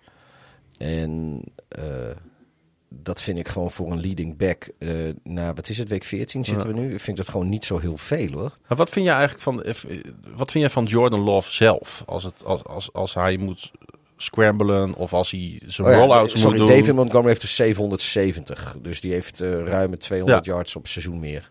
Ja, maar je merkt ook dat Jordan Love zelf zich niet zo comfortabel voelt buiten de pocket. Hij is niet iemand die er snel vandoor gaat. Hij is niet iemand die als je op die drie, eh, op, op, die, op die drie te gaan, eh, drie yards te gaan, eh, third down, eventjes eh à la Fields, à la Jackson, à la Mahomes, à la Allen, noem al die quarterbacks maar op, eh, dan, dan die first down voor je pakt. Dat doet hij ook niet. Hij blijft maar vanuit die pocket een beetje forceren. Ja, terwijl ik wel het idee heb dat, eh, dat Love best wel... eh, kijk, het is misschien geen, geen Jackson. Ja, dat kan hij heel of- zuiver of- doen, hebben we al gezien. Dit is denk ik geen Jackson of, of zelfs een Fields. Ehm, maar hij is echt wel volgens mij een van de mobielere quarterbacks in de league. Ja, maar waarom laat hij dat dan niet zien? Zit denk ik niet in het playbook van, eh, Nee, van de Packers. dit, dit was namelijk wel de wedstrijd waarin hij dat meerdere keren had. Ja. hij ze over het dode punt kunnen helpen. Door eens een keer wat onverwachts te doen. Ja. Ik, vond hem wat, ik vond hem ook te voorspelbaar, deze wedstrijd. Nou ja, laten we hopen dat, dat, eh, dat het zo blijft. Want dan is dit het perfecte seizoen voor mij. Want eh, dan is hij genoeg, ge- te- gelaat, genoeg laten zien om hem te Ja. houden. Maar niet genoeg om je franchise omheen te, te, te zetten. Dat dat eh, ook de, de goede keuze is. Want ja, sorry, ik, ben, eh, ik blijf daar gewoon heel erg biased in. Dylan had trouwens nog wel die mooie 35-yard passplay hè, op, eh, in deze wedstrijd ook. Dus het is, het is, het is niet dat, dat die ook alleen maar eendimensionaal is of zo. Ja, dat klopt. Maar eh, nee, dit had er moeten zijn eh, voor de Packers. Ze hebben het laten liggen, Pieter. En dat valt mij van hun tegen. En de Giants, die staan één wedstrijdje achter een wildcard ondertussen. In de... Zo zie je maar. Je hebt hetzelfde record als wij, toch, nu? Ja, Ja. nooit opgeven. Nee. Oh, geef nooit op. Dat was vroeger was met Peter Jan Rens. Ja, volgens mij wel met Peter Rens. Geef nooit op, hè? Ja, dat was... Eh, ik weet dat, er was wel zo'n programma, zeg maar, op zaterdagavond. Daar, daar, daar bleef je voor thuis. Ja, je had, vroeger had je altijd van die, eh, van, die, van die programma's waar je voor thuis bleef in de, toen wij klein waren. Ik bedoel, de Ron's Honeymoon quiz eh, bijvoorbeeld. Dat was ook zoiets. Bleef gewoon voor thuis. Ja, wat dacht je, maar het, dat programma met Henny Huisman? Daar keek toch, dat het was stil op straat. Oh, de mini playback show? nee, nee de- dat hij die of- mensen of- ging verrassen en zo altijd. Ik weet niet meer hoe dat heet. Oh ja, de surprise show. De surprise De show. surprise show. surprise, surprise. Een onverwachte is de mooiste prijs. Verrassing bracht je zomaar van de weg. Nou, kan je vertellen, Pas ik, op. ik, er zijn foto's van. Eh, Henny Huisman is ooit bij ons in de straat geweest. Is dat zo? Ja, en jij weet eh, de straat van mijn ouders, waar mijn ouders wonen. Dat Ja, is een dat heel is- klein straatje Dat wat is eh, in, doodloopt. eh, in, in Amerika zou dat een cul-de-sac zijn. Exact. En opeens, ik weet nog, we waren aan het buiten spelen. Ik was echt nog jong. En, eh, en, en daar komt een grote bus aanrijden met RTL 4 erop. En daar stapt Henny Huisman uit met een cameraploeg. Nou, je kan je voorstellen, er was consternatie in de straat natuurlijk. Ja. Wij naar huis. Ik zeg, Henny Huisman staat in de straat. Nou, mijn vader dacht dat hij de postcode loterij had gewonnen. Nou, dat bleek niet waar te zijn. Want er was een echtpaar in de aanleuningflat aan het eind van onze straat. Die eh, waren niet 70 jaar getrouwd of zo. En die kregen een verrassing. eh. Ik weet niet, Henny Huisman op de koffie. Dat zal dan wel de verrassing geweest zijn. Oh, weet ik veel. Moet je daar, zit je al 70 jaar tegen hetzelfde graftakkenwijf aan te kijken. en dan krijg je als beloning die tijd Henny Huisman op de koffie. Met, eh, met, een, met een goed gesprek. Nou, maar de Geef Nooit Op was een eh, jeugdprogramma van de VARA. En later RTL 4. Tussen 91 en 99 Oh, dat is bij de VARA begonnen. Ja. En dan eh, zo ging uit het, eh, hij liet wensen van kinderen in vervulling gaan. Ja, zo ging hij met iemand op Sprongen bezoek. ze in zo'n bak en dan kwamen ze eruit. Nou ja, weet ik Ja. veel. eh, Maar hij, heeft, Ja. eh, hij ging dus met een kind op bezoek bij dolfijnen. Maar hij heeft ook een keer met een kind een muurtje gemetseld. Oké. Ja. Nou, goed verhaal. Ik eh, heb eens een keer verkering gehad met een eh, meisje. En haar Die had vader, ook een eh, muurtje gemetseld om jou bij haar weg te houden. Exact, ja. Hè? Vond het nog wel zo'n leuk grapje. Het was geen grapje, het is gewoon echt waar gebeurd. Anders weet ik dit. Dit, dit, dit verhaal ken ik. Nou, we het toch over Monday Night Football hebben. Zullen we dan die andere Monday Night Football er ook gelijk maar even bij pakken? Ach ja, waarom niet, jongen? Het is feest. Want eh, was dit de grootste upset van, eh, van de speelronde? De overwinning van Tennessee in Miami. Eh, oh ja, ja, die ook. Sorry, ja, nee, dat was denk ik de grootste upset van de speelronde Ja. wel. Ja, Hoewel, ik vind nog altijd het aantal punten wat, de- wat, wat de Patriots gescoord hebben tegen de Pittsburgh defense. ja dat heb je ook. Ja, ja, ja, ja. Maar Niet, niet, zo, dat, dat- niet zozeer dat Pittsburgh verliest, Ja, maar maar, die- wel die het aantal punten. die Steelers defense is ondertussen ook wel een beetje overrated hoor. Ja, maar eh, 21 punten scoren voor de New England of. Maar goed, eh, dat is niet deze wedstrijd. Nee. Deze wedstrijd is namelijk de Titans op bezoek bij de Want Dolphins. wat, eh, toen jij wakker werd eh, vanochtend en jij checkte de uitslagen van de Monday Night Footballs, toen moest je even met je ogen knipperen, denk ik. Ja, ik was er een beetje op voorbereid, want ik, het eerste bericht wat ik zag was een, een huilende, huilend gezichtje van An- Angelo van Dam. Dus toen wist ik eigenlijk al genoeg. Ja, ja, die heb ik ook gezien inderdaad. Nee, want jij zit niet in die groepchat. Oh, dan was er nog een andere groepchat waarin dat ook gebeurde. Want als de Dolphins dan verliezen, ja, dan krijgen Dolphins-fans dat natuurlijk gelijk te horen. Ja, en terecht ook wel, want eh, dit was natuurlijk eh, een bittere pil voor eh, Miami. En ik moet eerlijk zeggen, en daar had ik het over, ja, het is niet zo'n net, net, nette term. Dus voor iedereen die daar, zich daaraan stoort, excuses daarvoor. Maar ja, Will Levis en de Titans die waren in fuck it modus. Ik vind niet dat ik dat kan zeggen. Ik neem hier echt aanstoot aan. Dat dacht ik al dat dit zou komen. zeg ik eens een keer zoiets als, als wedergeboren christen en dan krijg ik gelijk op mijn falie. Ja. Ik moet al leven met die schuld en dat weer eh, allemaal neerleggen. En dan krijg ik ook nog jou eh, over me heen. Er zijn gewoon verschillende latten op verschillende hoogtes voor jou en voor mij. Dat is eh, absoluut waar. ja, jou, jouw leven en, en de impact die jij hebt met jouw woorden, zijn, hebben een, mijn woorden hebben een andere impact. Dat klopt. Eh, maar ik, ik, het voelde wel zo. En ik zag het ook een beetje aan eh, de lichaamshouding van, eh, van, van de spelers van, van de Titans, van Levis. Die maar diep bleef gaan. En als het dan niet lukte, nou dan lukte het maar niet, zeg maar. Maar ja, waarom hebben we dit niet eerder gezien van de Titans? Dat, dat ze gewoon ervoor gaan. Het was allemaal zo slap en Ik- behoudend en denk- grijs en Ik- nou niks ja, aan. Dit, dit is het verschil, denk ik, tussen een team dat probeert te winnen en een team dat zegt van fuck it. Ja. Weet je, we hebben niks meer te verliezen, we gaan gewoon fruit spelen. Eh, je ziet dat wel vaker aan het einde van het seizoen. Ja, en dan kunnen zomaar dit soort uitslagen ontstaan. En eh, volgens mij wou jij daarom ehm, eh, iemand nomineren. Jazeker. En eh, in mijn script zie ik staan dat jij eh, Mike Vrabel hebt genomineerd als eh, voor biertopper van de week. Wiek, wiek, wiek, wiek. Pa, pa, pa, pauw. de headcoach van de Tennessee Titans, Mike Vrabel, Pieter. Ja, die. Eh, op een gegeven moment komen, komen de Titans terug in de wedstrijd. En het, eh, iedereen gaat er een beetje vanuit dat het garbage time is. En een eh, garbage punten, garbage yards, garbage touchdown. En hij zegt gewoon, ja, fuck it, weet je. We gaan gewoon voor twee punten. En eh dan gaan we nog een keer proberen. En als het dan weer lukt, dan eh, winnen we gewoon deze wedstrijd. En zo geschieden.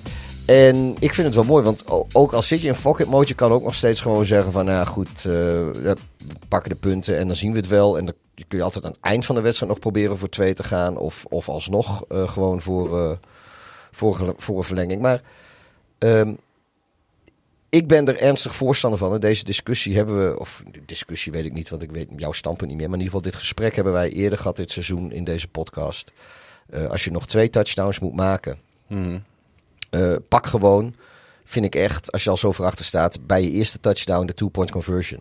Als je dat namelijk niet lukt, heb je bij je tweede touchdown alsnog een kans om het te zeggen de doen. statistici ook, hè? Ja, nou ja, daarom zeg ik het misschien ook wel. Ik ben geen statistici, maar ik ben gewoon een expert. Ja. Maar eh, ja, als het je bij de eerste keer niet lukt, heb je de tweede keer nog een poging. En anders, als het dan weer niet lukt, ja, fuck it, jammer dan. Had eh, dan verdien je ook niet te winnen.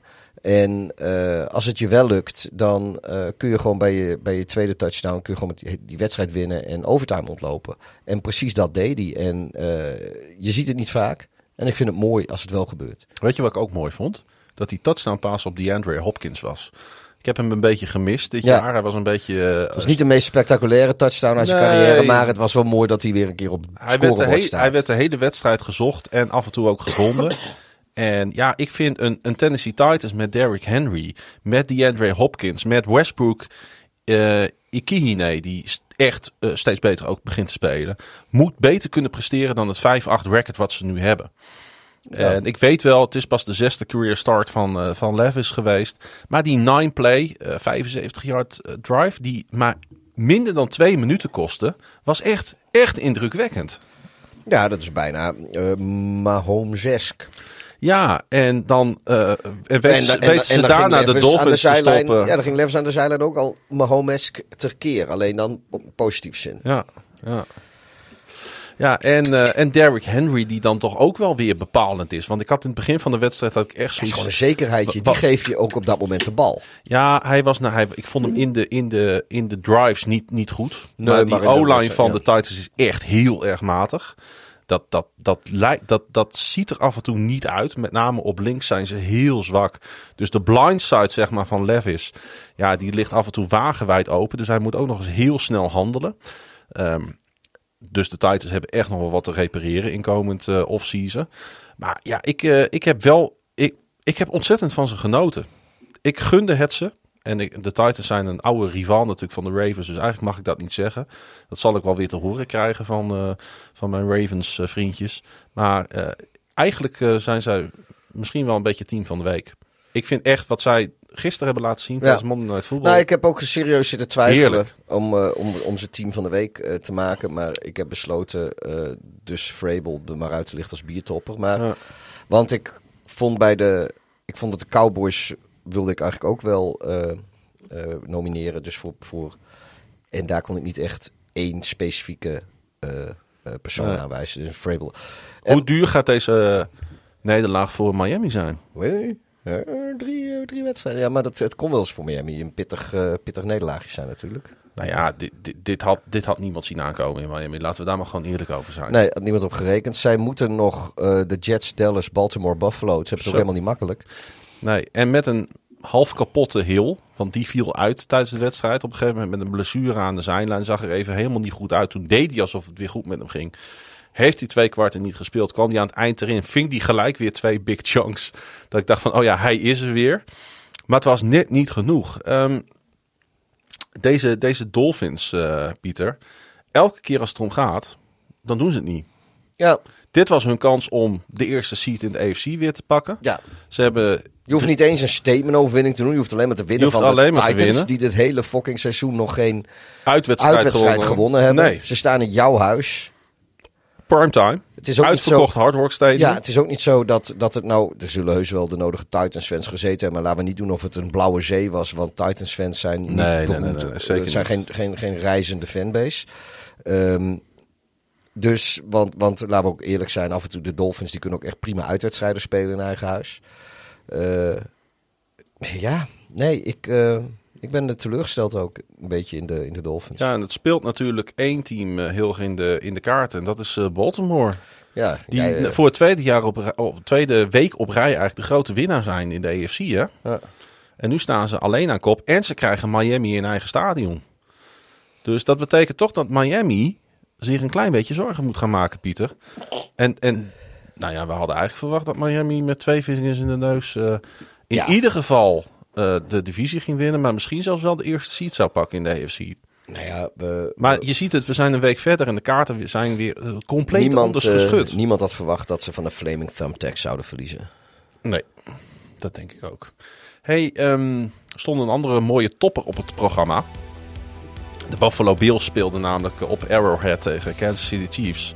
Ja, en dat ging eigenlijk helemaal niet over die overwinning natuurlijk eh, van de Bills eh, na afloop. En de 48 Hele knappe, daarna. hele knappe overwinning. En ook die touchdown waarin het hele Bills team eh, Josh Allen, de endzone van, van, van de Chiefs, in, in begeleidt en trekt en sleurt en drukt. Dat, In eh, Buffeld zou ik bijna willen zeggen. Ik hoorde vandaag werd, eh, werden de Buffalo Bills vergeleken met een herd of actual buffalo's, zoals ze dat deden. Ehm, daar wil ik al- allereerst even de aandacht naar uit laten gaan, want dat is, dat is het belangrijkste wat, wat daar gebeurd is natuurlijk. Want de Bills hebben gewoon deze wedstrijd Staan gewonnen. weer, staan weer op een winning record ondertussen. Ja. Al zou je dat inderdaad, want daar wilde jij natuurlijk naartoe. Als je kijken naar waar de media-aandacht naar uitging na deze wedstrijd, zou je dat niet gedacht hebben. Nee, het ging natuurlijk ehm, eh, eigenlijk maar om één, eh, één play. Die werd afgefloten door de scheidsrechters. Hè. De, de Ja. lateral van Kelchi op Tony. Tony die met, nou, vele centimeters over de lijn opgesteld stond. Want dat hij offside stond, ik denk dat we het daar allemaal wel over eens kunnen zijn. Joh, die scheidsrechter die moest een stap opzij zetten voordat de bal gesnapt wordt. Omdat hij de bal niet kon zien, omdat Tony ervoor Ja, stond. volgens Andy Reid, de headcoach van de Kansas City Chiefs, heeft Tony niet geïnformeerd Heeft- bij de heeft hij scheidsrechter. ook niet gedaan. Andere bronnen beweren dan weer van wel. Hij zat aan zijn face mask. Hij checkte ik, eh, niet. Want hij, hij keek ook... Ik vind Andy Reid de enige betrouwbare bron in dit verhaal ook eigenlijk. Nee, maar ja, nou, niet alleen dat, maar mijn eigen ogen ook. Want je kijkt gewoon Ja. naar de side judge aan de kant waar jij staat. En Kadarius Stoney heeft geen één keer naar links gekeken. En terwijl de, de, de, de, de, de scheidsrechter aan de linkerkant van hem...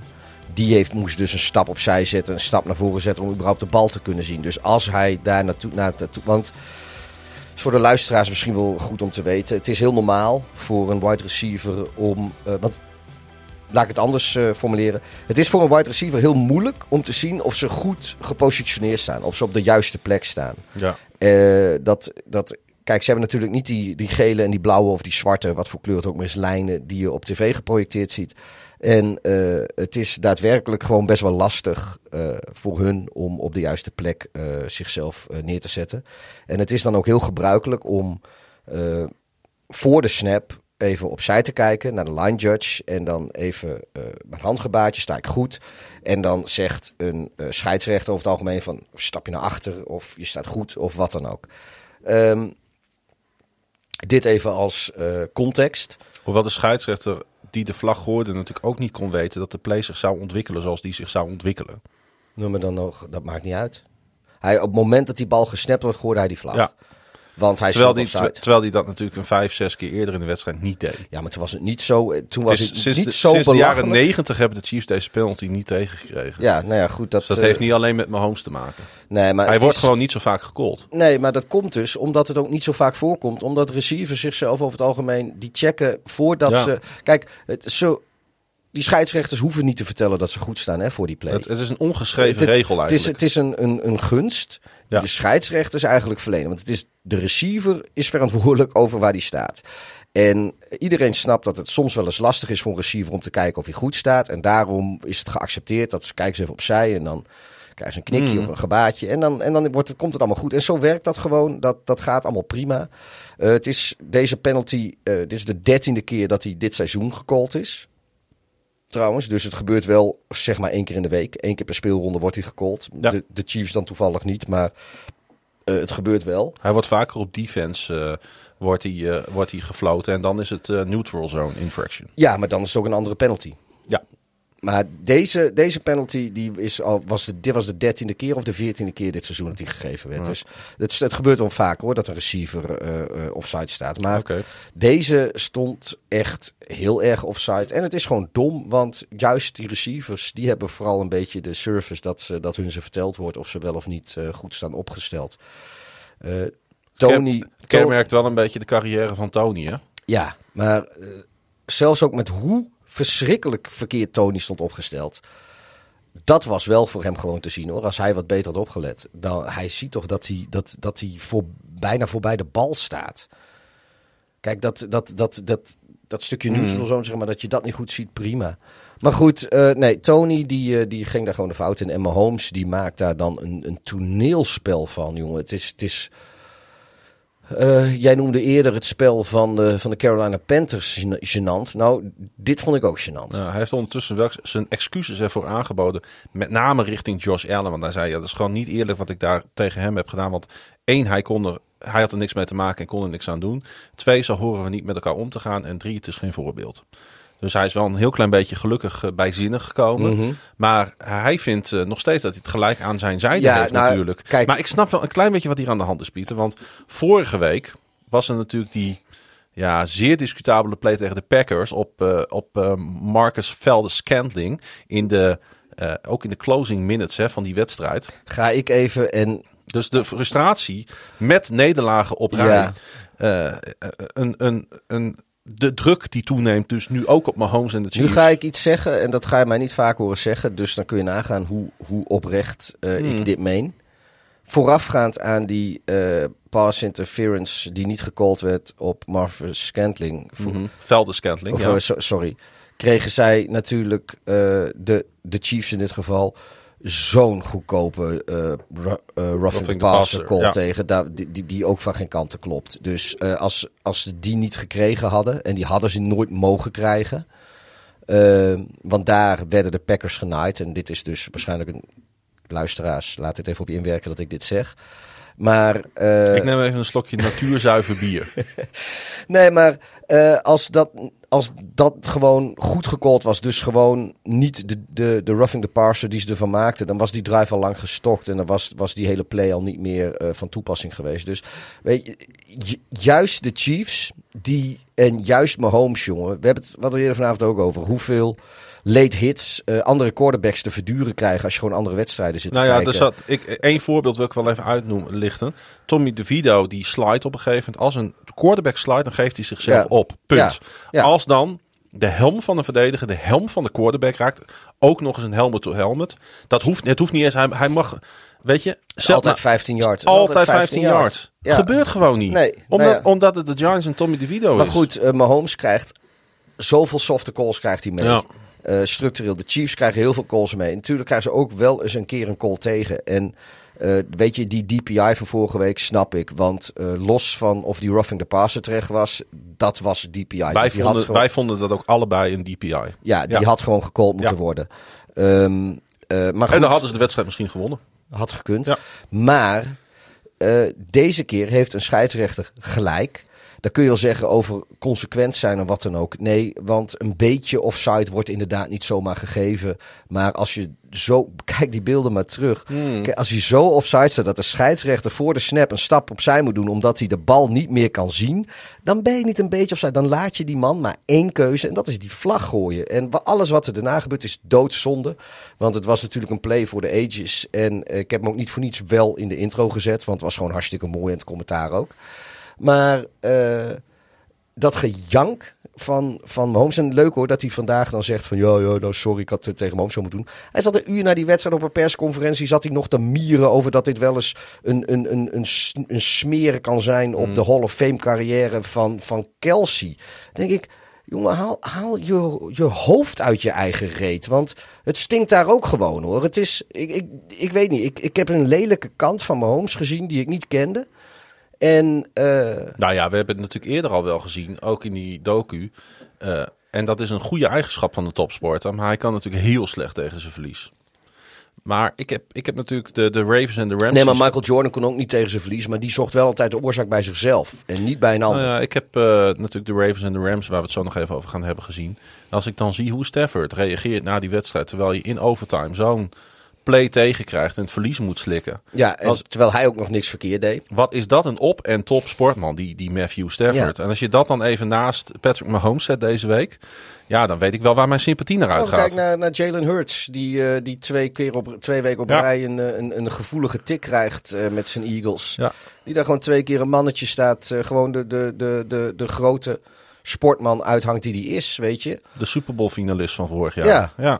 En, en, en dan staat die Mahomes, wat heeft hij, twee Super Bowls in vier jaar of zo. Die heeft al, al, al, al jarenlang, vijf jaar is hij het lievelingetje van de refs en van de league. En, en eh, jongen, die eerst de beste dat, hem, dat, dat hij wat tegenslag meemaakt in zijn carrière. Dan, het- dan staat hij meteen als een klein kind te, te, te schreeuwen aan de Het zijlijn. matige receiverscores van de Chiefs begint ze nu wel een beetje de Ja. das om te doen natuurlijk. Want niet, het is niet alleen deze play, maar het zijn Nee. natuurlijk ook alle drops van de afgelopen weken. Nee, nou, nu ben ik er natuurlijk Alle routes die niet goed Nu worden ben ik door de week niet bij het, eh, ben ik niet aanwezig op het trainingscomplex van de Chiefs. Maar kijk, zo, zoals die passie die hij laat zien aan de zijlijn, met dat geschreeuw, dat moet hij laten, laten zien in het kantoortje van Andy Reid en met Nagy en bij de, en bij de, bij de front office van de, van de Chiefs. Van jongens, eh, eh, weet je wat nou een sneer is of een, een, een, een smet is op de Hall of Fame carrière van Kelsey? Dat hij de enige getalenteerde speler op offense is. Ja. Weet je, ga je daar druk om maken en, en, en ga niet zitten zeiken over een volledig terecht gegeven offside penalty. Het was natuurlijk eh, voor de Bills een ongelooflijk lastige week, Pieter. Want het begon natuurlijk met het verhaal over Von Miller, die een zwangere vrouw zou hebben eh, aangevallen. Zoals wel nog gemaakt. Oh. nee, dat heb ik niet gezegd hoor. Die knippen eruit. Mensen, dit was Humor om te lachen. Dit was, dit was NFL op woensdag. Bedankt voor het luisteren. Ja. Ik eh, druip nu af. Nee, maar eh, eh, net is soms is het, het is altijd goed om dingen te relativeren met humor, maar in dit geval is het echt gebeurd. Ja. Ehm, Ik zit nog zo in mijn, rant, mijn Holmes rant. Dan word ik recalcitrant van. ik merk het. Ja, dat, dit, wat je, zeg maar, dit is wat we aan de bar zouden Ja. zeggen. Ja. En, en nou ja, goed, hè, als het, als bij, bij, bij, hoe heet het, vandaag in Sideman mag het hier ook. Nee, nee, nee, maar even, Von Miller, natuurlijk volkomen terecht eh, opgepakt. Hij heeft zichzelf aangegeven. Toen kwam het verhaal van McDermott naar buiten over dat hij 9-11 zou hebben Oh, ja. misbruikt om, om zijn spelers te motiveren, om dat als metafoor te gebruiken. Ik kan, weet je, ik ga nu iets heel raars zeggen, want iedereen zou, "Nou, dat moet je niet doen. Maakt het uit. Nee, dat was dus absoluut niet wat ik wou zeggen. Wat ik wou zeggen is, ik snap op een gegeven moment ook wel, als jij coach bent, wat moet je nog dag in dag uit bedenken om iedere keer maar weer die motivational speech te geven in de kleedkamer. En hij is gewoon de fout ingegaan. Je gaat niet iets waar, waar 4000 mensen Weet je hoeveel coaches er door de jaren heen eh, eh, D-Day, de landing in Normandië, dat soort shit als Ja. metafoor gebruikt Ja. hebben? Ja, precies. En, en, maar en ik, ik kan me ook niet voorstellen dat eh, McDermott heeft gezegd van... oké, je bent die Arabier in dat vliegtuig en je hebt de, de, de, de knuppel, de stuurknuppel Nee, overgenomen. Nee, nee. hij bekeek het van de kant van de Amerikanen. ja, dat denk ik ook. Dus, dus Waar- ik, ik, ja. wil het, ik wil hem wel een beetje slack geven. Dat Ja, tuurlijk, waar, waar is die, gaat hij opheffen over? Ja, dat. En, en, en echt, zou jij op een gegeven moment nog weten wat je moet spelen tegen die, moet zeggen. zeggen. tegen die spelers? Oh, ik verzin vast wel weer wat. Nee, maar op- nee, je hebt, nee, je hebt gelijk. Ik bedoel, ik, ik, zeker ik...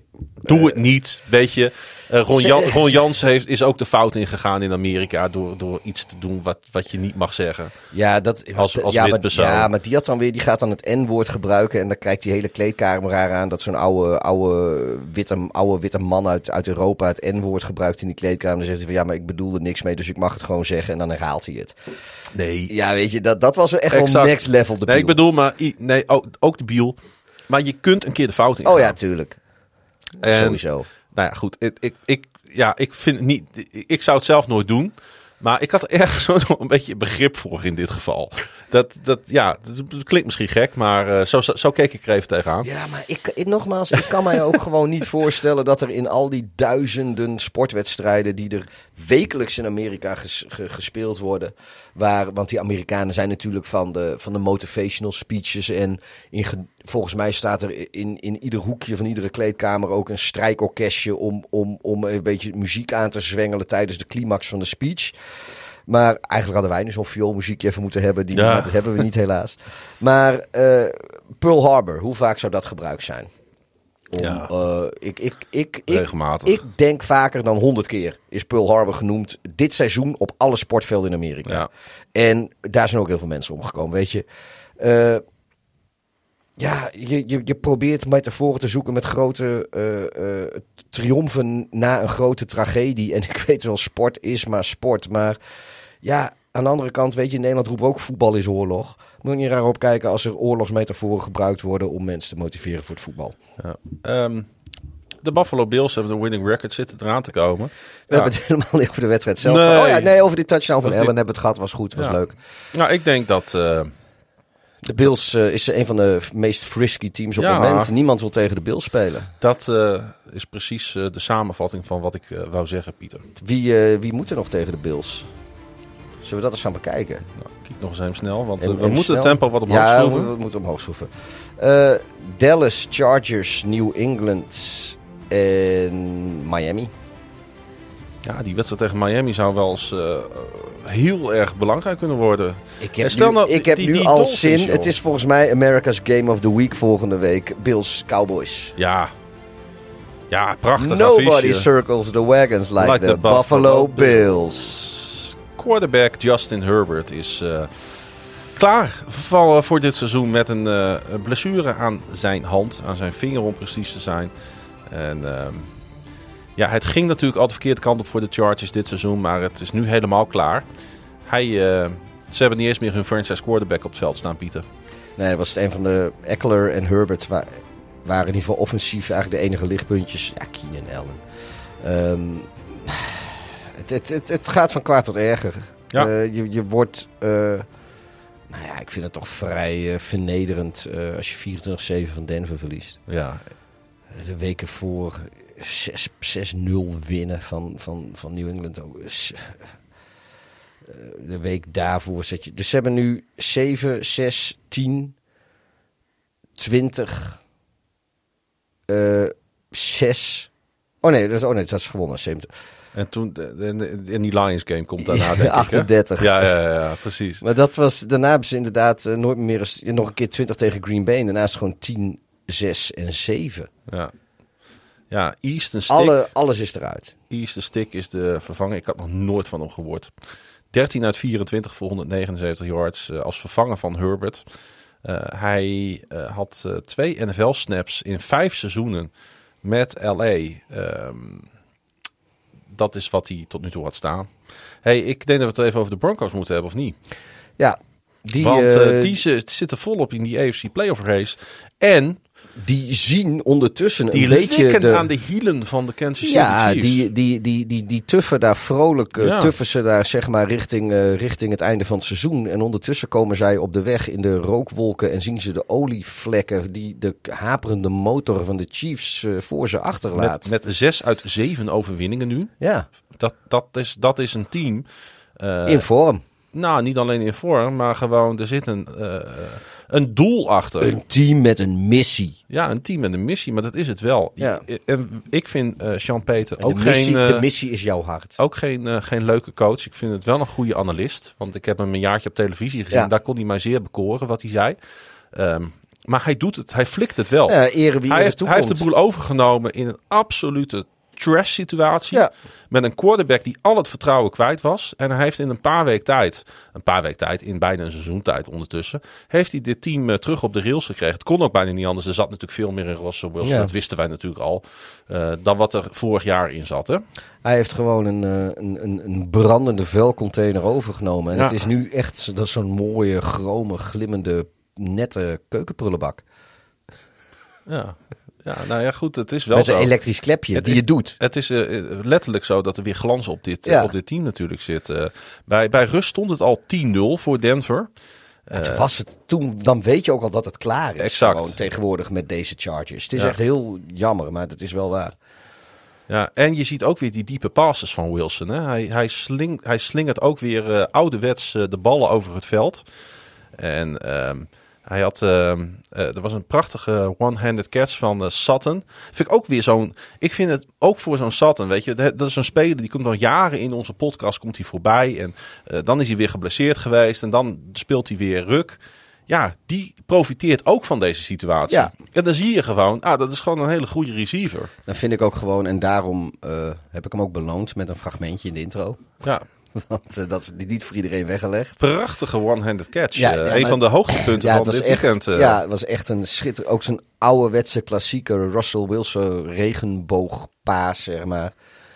Maar ik moet ook eerlijk zeggen, ja, Wilson gaf dat na de wedstrijd ook toe. Hij zei, ja, ik had zeeën van tijd.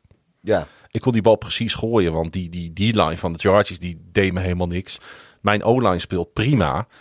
Ik kon naar links, ik kon naar rechts. En ik heb gewoon keurig gewacht totdat of eh, totdat Cortland, want hij noemde hem natuurlijk Cortland, eh, vrij kwam. dan mogen wij hem ook Cortland noemen. Ja. En eh eh, Sutton had alweer zijn tiende receiving Ik zeg net, we mogen, hem jaar. ook, ik zeg, we mogen hem ook Cortland noemen. Ja, ja. Dus Cortland heeft alweer hoeveel touchdowns dit jaar? Eh, tien. Tien. Nou, dat is toch keurig.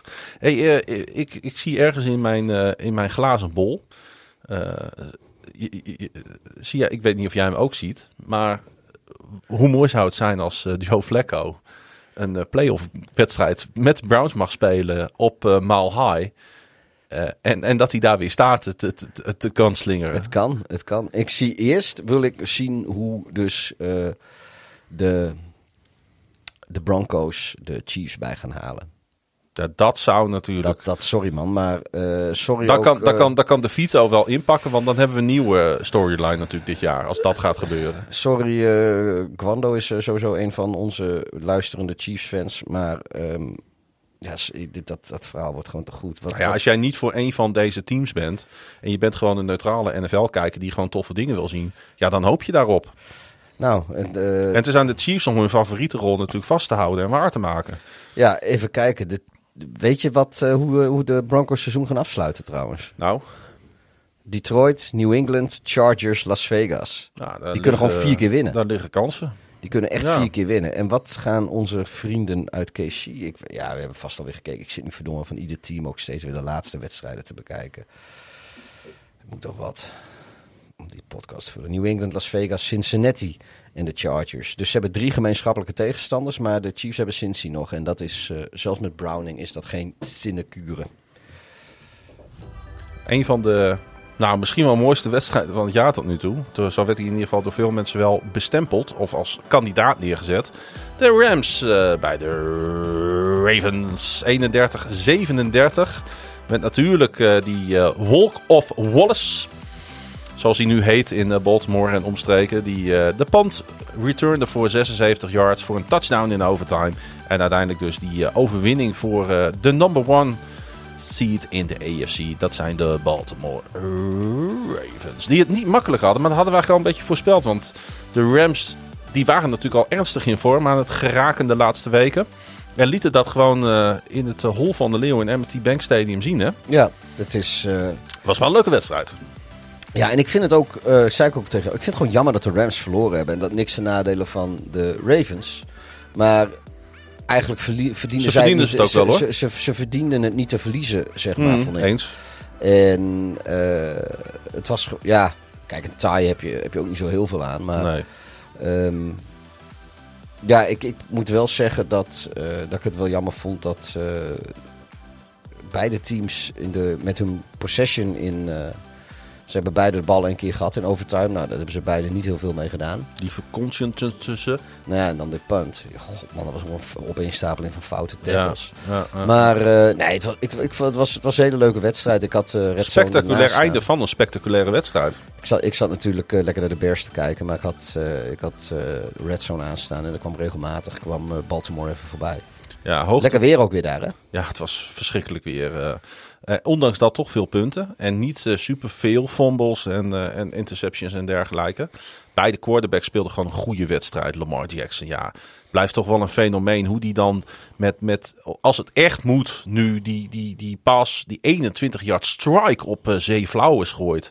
Daarna die two-point conversion natuurlijk maakt. En die moesten ze maken. Om dat verschil natuurlijk weer een field goal te maken. Want ze voelden natuurlijk wel aan. Ja, die Rams gaan natuurlijk ook nog weer in field goal range komen. En dat deden ze ook. Ja, de, jongen, deze wedstrijd had op zoveel verschillende manieren. Had hij of richting de Rams of richting de Ravens kunnen gaan. Dat, dat, dat de, de hele wedstrijd door was absoluut niet te voorspellen wie deze wedstrijd zou winnen. Want ja, eh, eh, ook die eerste twee touchdowns natuurlijk van de Ravens op Isaiah Likely en op Odell Beckham Jr. Ja, dat waren natuurlijk ook ongelofelijke clutch plays. Hè, Ja. dat, dat had niet zoveel met, met, eh, met, met, met eh, zeg maar heel strak aanvalspatroon eh, spel laten zien te maken. Ja, en, en die Rams, het is wel- echt leuk om naar te kijken op dit moment. Ja, ik, denk, ik denk dat het, het weer en het veld er een beetje mee te maken hadden. Ze Waardoor... noopten hun een beetje om door de lucht te gaan. eh. ja, nou, het is ook, ook dat... eh, Hoewel de Rams het- een goede, goede, goede maar het, running game hadden. is een, het is een beetje ook in het voordeel van de receivers voor wat betreft big plays. Omdat het gewoon, als jij een, eh, een defensive back bent, is het gewoon wat lastiger om op een, op een wat gladder veld een, een verdediger of een aanvaller te, te verdedigen. Ja. Omdat jij altijd moet reageren. Dus zij kunnen hun voeten al goed planten om toch een snelle beweging te maken. En dan moet jij in één keer op reageren. Dan heb je vaak net niet meer die tijd om je vo- voet goed te planten. Dus dan glij je weg. Of je moet iets meer tijd nemen om je voeten goed neer te zetten. En dan heeft die eh, aanvaller separation. En dat, eh, dat heeft denk ik wel een beetje meegespeeld. Als je dan ook nog twee goede quarterbacks hebt die daarvan profiteren. Wat natuurlijk ook wel belangrijk is. Ja, en twee hele goede Dan- dan- running backs natuurlijk. Nou, ook. nee, nee, maar dat, dan krijg je dus wel die mooie, eh, Hmm. eh, ondanks het slechte weer, toch mo- veel mooie passing plays. Ja, dat klopt. Ja, en, en Lamar ja, begint toch wel... Hij speelt gewoon vrij zuiver. Ja, er is weinig aan te merken. Maar dat geldt natuurlijk ook voor Stafford. Want hoe groot schat jij de kans in dat de LA Rams deze, eh, in, in deze NFC hem het gaan pakken? Want Ja, ja, in deze vorm. Kijk, in deze vorm gaan zij toch gewoon nog veel meer wedstrijden winnen. Van hun, van hun laatste vier. Ja, sowieso. Nu ook weer, weet je, eh, Stafford, eh, geen intercepties, gooit. Hij is ook gewoon lekker zuinig op de bal. En hij heeft natuurlijk een geweldige supporting cast om zich heen staan met Carmen Williams, die echt aan het excelleren is. Eh, met Puka Nakua en Cooper Cup. Ja, Nee, ik, eh, ik zie ze sowieso nog drie wedstrijden bij winnen met Washington, New Orleans en de Giants. Ja, ik ook. En eh, ja, dan wacht San Francisco. Ja, en, en hoe goed, want, want ik denk niet dat die wedstrijd er dan nog toe doet. Om een play-off ticket. Heel eerlijk gezegd, als zij inderdaad die drie overwinningen gaan pakken, zou dat al genoeg moeten zijn. Hoe goed, hoe goed zijn de Rams dan? Hoe, nou ja, oké, kunnen de, de Rams. Kunnen, het is dan toch weer Shanahan tegen McVay eh, eventueel. Nou ja, niet, niet, niet alleen dat, maar ik denk sowieso in de playoffs, weet je. De Rams zijn zo'n team die... Zo, zeker in hun huidige vorm, wil je als Eagles de Rams tegenkomen? Nou, dat weet ik niet. Dit moment. Misschien wel niet. Want het is een team die prima kan verdedigen nog steeds als het moet. Mhm. Maar ze kunnen ook gewoon verschrikkelijk goed scoren. En ehm, ze zijn niet misschien zo consistent als, als, als de echte top. Maar als zij een goede dag hebben, dan kunnen ze wel mee met die top, heb ik soms het idee. Ja, ja ik denk het ook. Het is ook, het is, het is, en je kan ook wel zien, kijk, het is Stafford is gewoon een hele goede quarterback. En Cooper Cup is nog steeds een hele goede receiver. Nou, die Puka Nakua, die kan er ook wel een handje van. Had een geweldige catch deze Ja. wedstrijd. Nee, dus ik, ik, Volgens ik, mij zonder handschoen aan. Ik, eh, ik vind het wel, eh, ik vind het wel eh, Ja. interessant om te zien wat daar gebeurt. En ik, het zou mij ook niet verbazen als de Rams nog de Vikings en de, en de, en de. Packers eh, passeren. Mij gaat, ook niet. Mij ook niet. Grote winst voor Baltimore was natuurlijk dat zij een, kom, eh, vorm, eh, een achterstand goed maakten. Daar waren ze niet zo heel goed in dit seizoen. Kijk, als de Ravens eenmaal voor staan en ze hebben het gaatje geslagen, dan trekken ze het meestal dit seizoen wel over de streep. Maar een achterstand goed maken, dat is een ander verhaal voor de Ravens. Ik ben wel blij dat Lamar dat een keer heeft laten zien. Ja, was ook En dat hij ook echt clutch was op het eind. En echt eh, de, de goede play eh, samen. Want eh, ik heb die, die, die play op Safe Flowers. Dat is natuurlijk een waanzinnige paas was dat. Die hebben ze ook echt afgesproken van tevoren. Dus dan zie je ook van, oh ja, kijk, als ze gewoon een goed plan maken. Ja, jongen, dan, dan... Hoeveel teams willen tegen de Ravens spelen in de playoffs? Nou ja, het, zijn de, het is de number one seed op moment, dus niemand. Nee.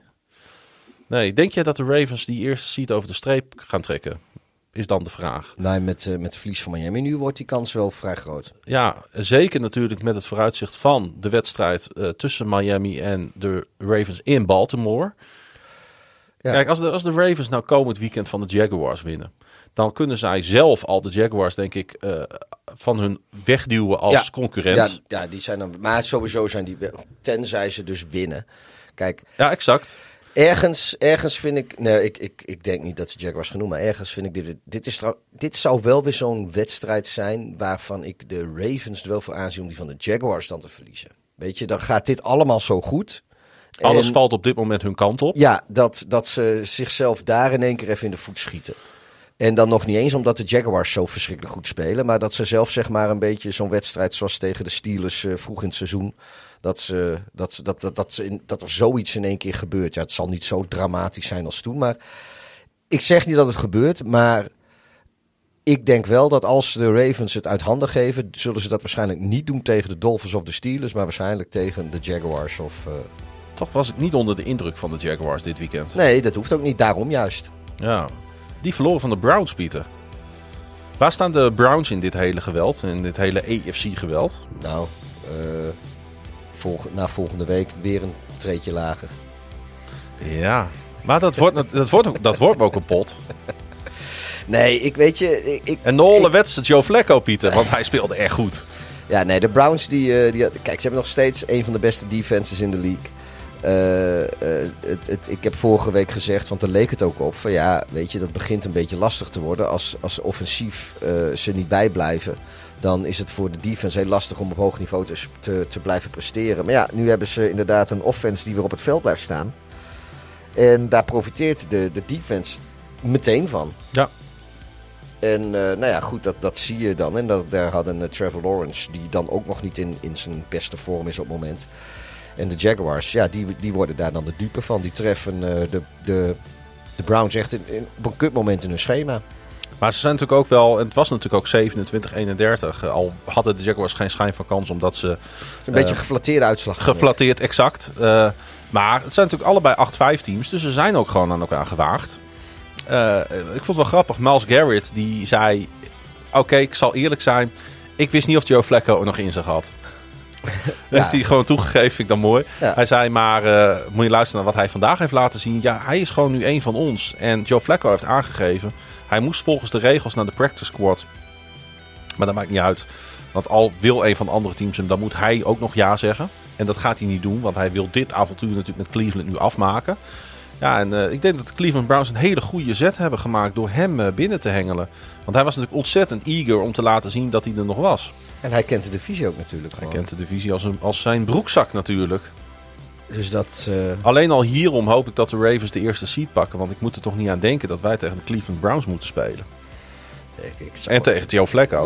Echt- dat ik- wordt wel ik- een wedstrijd voor die ages. Ja, maar dat, daarom, eh, daar, dat, daar- daar hoop ik nu al op. de Ravens tegen de Browns. Met bij de Browns Joe Flacco aan de center. Ja, dat is toch een van de, de, de, de verhalen van deze eeuw gaat dat dan worden.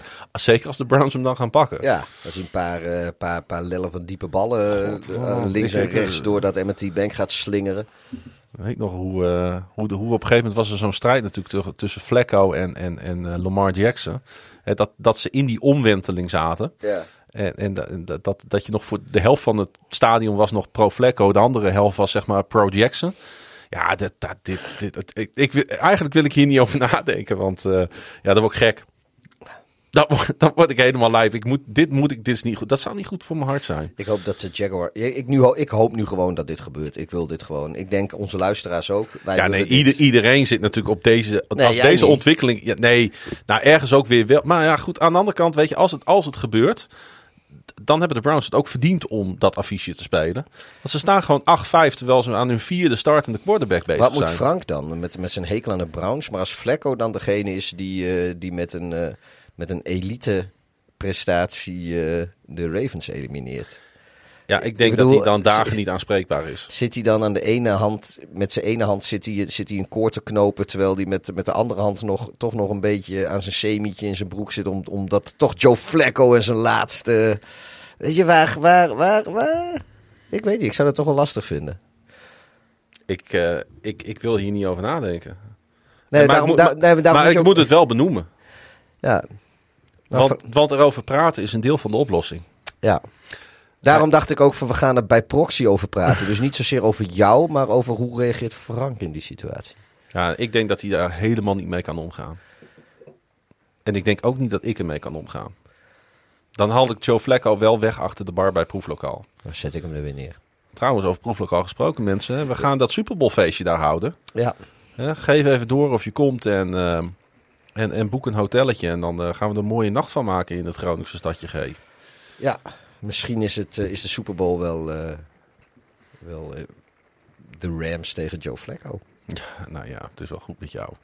Eh 565 yards en vijf touchdowns heeft hij nu gegooid in zijn twee starts, Pieter. Dus ze zijn ontzettend blij met hem in, in Cleveland. Ja, en, en, en de, de Jacksonville Jaguars stonden er heel goed voor. Hadden op een gegeven moment zelfs de eerste seat in de AFC eh, in, eh, in handen. Ja, en, en nu ze de AFC North teams eh, treffen back-to-back. Eerst de Bengals en nu de Browns. Ja, zijn ook daar de kaarten weer totaal anders geschud, hè? Ja. Maar die zullen dan weer blij zijn met het verlies van de Houston Texans en Ja. de Indianapolis Colts. En dan moeten ze nog tegen Baltimore. Ja, ja dat, dat is de komende Sunday Night Football, Pieter. Dan, nou oké, maar dan kunnen ze weer een beetje goed maken met Tampa Bay en Carolina. En dan eindigt het in Nashville voor ze. Ja, en we hebben gezien waartoe de Titans in, eh, in, in staat zijn als ze er zin in hebben. Ja. Ja, het wordt eh, sowieso leuk natuurlijk het einde van het seizoen. Ik ga naar eh, mijn team van de week. En dat is een wedstrijd waar we het niet al te lang over gaan hebben. Want die was, dat was de Thursday Night. Maar ik vind ze... Ik denk nu zij als enige team geëlimineerd zijn Met een overwinning. in die AFC. Met een overwinning ga ik de New England eh, Patriots toch even de, de, de eer geven die ze toekomt. Eh. Ja, en het is vooral zorgelijk. Want we kunnen het wel over de Patriots hebben. Maar ik vind het vooral zorgelijk wat er in eh, Pittsburgh zich ontwikkelt eh, op dit moment. Maar ja, eh Trubisky gaat volgende week weer spelen. Ja. Maar dat, dat, dat is Terwijl het publiek om Mason Rudolph aan het schreeuwen is in Pittsburgh. Die hebben een raar seizoen, hè, die Steelers. Ja. Gaat Tomlin zijn winning season, zijn winning record nog weggooien dit jaar? Want daar, daar koerst hij wel op af als het zo doorgaat. Hij is er goed mee bezig in ieder geval. Omdat, Als je eh, van, als je van eh, de, de Cardinals en de Patriots op rij verliest in Pittsburgh. Twee thuiswedstrijden op rij binnen een week tijd. Nou ja, kijk, eh, als je een paar jaar geleden had gezegd van de Patriots verliezen, dat kan. Maar eh, Eh, nu zeker niet. Nou, ze hebben het ook nog lastig zatje. Die Bailey Zappi was aardig on fire, hè? Ja, Opeens. Ja, maar ik, ik, ik geloof niet in nee, maar ja, Het is leuk om te zien, maar Ja. Het is ook vooral weer eh Trubisky die gewoon als als kont speelde. Heb je gezien hoe het na de wedstrijd in de kleedkamer ging? Dat Bailey Zappi die kleedkamer komt inlopen. En die ziet eh, Bill Belichick staan. En die, eh, iedereen is helemaal hoog tot de bottle. Dat snap ik wel als je je derde overwinning pakt. Ja, dat klopt, ja. betekende best veel Ja. voor die spelers. En hij zag Bill Belichick staan en zegt... eh, eh, con- congratulations, sir. Zo'n afstand, Ja, zeg maar, alleen- tussen maar de- het monument Bill Belichick en zo'n En dan heb je C-quarterback heb als Bailey Zappi. En, en die Josh McDaniels of Josh, hoe heet die andere? Nou, die gast die daar zit, die OC van. eh, Nee, dat, dat was Josh McDaniels was de headcoach van de Las Vegas Raiders. Ja, nee, hoe heet, hoe heet die nou, die, die, die, die aanvallende mannetje? Ja, die bij de Lions heeft gezeten, nee, die, je? die bij, nu bij de Patriots zit. Dat weet ik allemaal niet. Bill, is dat Bill O'Brien? Oh ja, Bill O'Brien. Ja, dat is Oh ja, Bob. toch wel. Ja. BOB. Ja, sorry, ik De haal oud, altijd... eh, de oud headcoach van de Texans is dat, hè? Ja, ik haal altijd ja, Bill ja. O'Brien en Josh McDaniels door elkaar. Ehm, maar in ieder geval, die, ja, nee, maar dat, komt, dat Ja. komt van die Belichick-boom. En die hebben allebei op bepaalde momenten in hun carrière er een puinhoop van gemaakt bij andere teams. Ja, ja, ja. Eh, maar daar was hij dan weer super amicaal tegen. Die zei wel... "Ah, eh, eh." Dus, en de Bel- Belichick... Eh, En nu weet ik niet of dat alleen een kwestie van respect is. Of dat Belichick gewoon zo zei van... Jongens, eh, we gaan nou pas feesten als... eh, ja, ik denk dat het toch het laatste is, het respect. Want eh, ja, de, de, de andere, eh heet die Cunningham, heet die volgens mij, die andere backup quarterback van de Patriots is vandaag naar de Ravens gegaan. Die heeft samen gecollege met eh, Lamar Jackson. En ik denk dat de Ravens met hem aan het voortborduren zijn, eh, voorborduren zijn op de backup van volgend jaar. Maar die vertelde daarover, want die stapte in het vliegtuig van Boston naar Baltimore en die zei, ja, hij zei, ik wil later coach worden, dat weet ik nu al. Hij zei, ik heb zo verschrikkelijk veel geleerd van Bill Belichick. Hij zei, ik heb het allemaal opgeslagen, ik heb het allemaal opgeschreven. Hij zei, wat ik geleerd heb van deze man. Dus ik denk niet dat er een hele warme verstandhouding is, maar het respect is volgens mij gigantisch. Ja, nou, terecht ook wel. En dat is natuurlijk inderdaad eh, terecht. Eh, de Steelers eh, die, die, eh, die hebben de weg naar beneden gevonden, terwijl de Browns de weg naar boven hebben gevonden. Eh, maar ze staan nog steeds op een playoff plek, de Steelers. Ja, nou, ik weet niet hoe lang nog. Nee, want Ik, eh, met ik al die begin mij 7-6 echt wel, teams eh, in de AFC, dat kan toch niet goed gaan, zou je nee, zeggen? ik, en, en nou ja, aan de andere kant, kijk, weet je, Colts, weet je, dat is ook weer een wedstrijd die... Ja, maar de, die staan ook op... Colts, Ja, Colts nee, Steelers wordt een mooie, wordt een mooie. Ja, en Bengals, Seattle, Baltimore. Nee, maar ik denk, ik denk, dat, eh, ik denk niet dat de Steelers gaan redden, zeg ik, op 12 december. Ik eh, wou even een shout-out doen eh, naar... En de Browns hebben trouwens volgende week ook gewoon lastig zat. Absoluut. Ja, nee, dat is waar. Ik eh, wou een shout-out doen naar eh, Joe Burrow. Die natuurlijk, eh, ja, het is naar om te zien. Want een, eigenlijk willen we iedere week Joe Burrow zien spelen. Want dat maakt de NFL gewoon leuker. En eh, ook onze podcast. Maar eh, Jake Browning is een eh, waardige vervanger.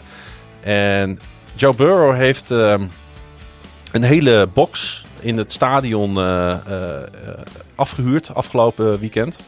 Om alle vrienden en familie van Jake Browning uit te nodigen. Zodat ze oh ja, dat klopt. naar hem Ja. Die hele kijken. familie Browning zat in de Burrowbox. Ja. ik word, mooi. daar, eh, Vind ik heel mooi. ik word daar ontzettend blij van, van dat soort acties. En ik vind dat Burrow zich, ondanks zijn blessure, week in week uit als absolute leider. Ja, nee, ik vind het ook heel... En en sowieso, weet je, de laatste keer dat ik in een box van een speler heb gezeten. Southampton, Chelsea. Virgil van Dijk, Ja, box. Ja. Nou, kun je nagaan hoe lang dat geleden is, want Virgil van Dijk speelde toen nog bij Southampton. Mooi verhaal. Ja, lekker kort. Ehm, wat denk jij? Wie had de, wie had de betere passer rating eh, afgelopen weekend? Eh, Brock Purdy of Jake Browning? Dat is een beetje een instinker dit. Ja, Brock Purdy. Nee, Jake Browning. Ja, ik dacht al, het is Jake Browning, maar als het een instinker is, dan is het vast ja, een een beetje andere. flauw van mij, maar eh, ik, ik, ik, ik wil daar, met, daar natuurlijk wat mee aantonen. Want eh, Jack Browning die eindigt met een 122,7 passer rating. Brock Purdy 122,1. Dus het zat heel dicht bij elkaar. Maar het laat wel zien, Pieter, op wat voor niveau deze Browning aan het acteren is op dit moment. Het is waanzinnig wat we van deze jongen zien, hè? En misschien komt dat ook deels door eh, wat voor leider eh, Burrow is. Ik ben daar heilig van overtuigd. Die, die, ik, ik was, kijk, weet je, ik kan zeggen, ja, mooi man, die box. Nee, eh, wat ik er van buitenaf van kan zien, is dat die Burrow, die doet er allemaal om Browning zich zo op zijn gemak mogelijk te laten voelen. Waardoor al die spelers ook door het vuur gaan eh, voor Browning. Nou, dan speelt hij eh, nu ondertussen al meerdere goede wedstrijden. Dus ondertussen is het alweer veel makkelijker. Maar voordat die eerste wedstrijd gespeeld is, als Burrow van begin af aan eh, zo, zo omgaat met zijn backup, zeg maar, dan gaan al die, al, al die andere spelers, die hebben ook zoiets van, nou, fuck it, weet je, dat is de man, dat is de man. Ja. En ja, ik, ik, eh, ik vind het heel mooi om te zien hoe dat, eh, hoe dat daar gaat. Het werkt gewoon bij Cincinnati hoe ze dat op dit moment doen. En eh, Browning werkt ook met twee touchdown passes. Hij rende ook nog eens op een geweldige manier een touchdown binnen. Dus ja, hij doet eigenlijk niks fout. Dat is een beetje mijn conclusie. Hij doet alles eh, doet hij met overtuiging. Nee, en het is ook niet zo alsof hij nou... hij heeft een hele sterke arm. Ja, het is ook niet dat hij dinkt en dankt om, om te game managen, weet je. Hij doet wel degelijk, maakt die splash plays. Ja. En dat vind ik het mooie ervan en het knappe ook. Hij heeft natuurlijk, eh, ook hij heeft een aantal goede spelers om zich heen staan. Er is eh, die rookie running back Chase Brown, die kan mij zeer bekoren. Die had een 54 yard touchdown reception op de, de wat de score opende deze wedstrijd. En hij, die Brown, die is echt, die is echt ongelooflijk snel. En ik zag een staartje dat hij eh, gemiddeld sneller is dan Hill en Chain. Nou, als je daarboven zit qua snelheid, en dat wordt allemaal gemeten natuurlijk, maar eh, dat, dat, dan, doe je, dan sta je gewoon op dit, op deze statistiek, doe je mee in de elite van de, van de NFL. Geen wonder dat Miami verloren heeft met zulke langzame spelers.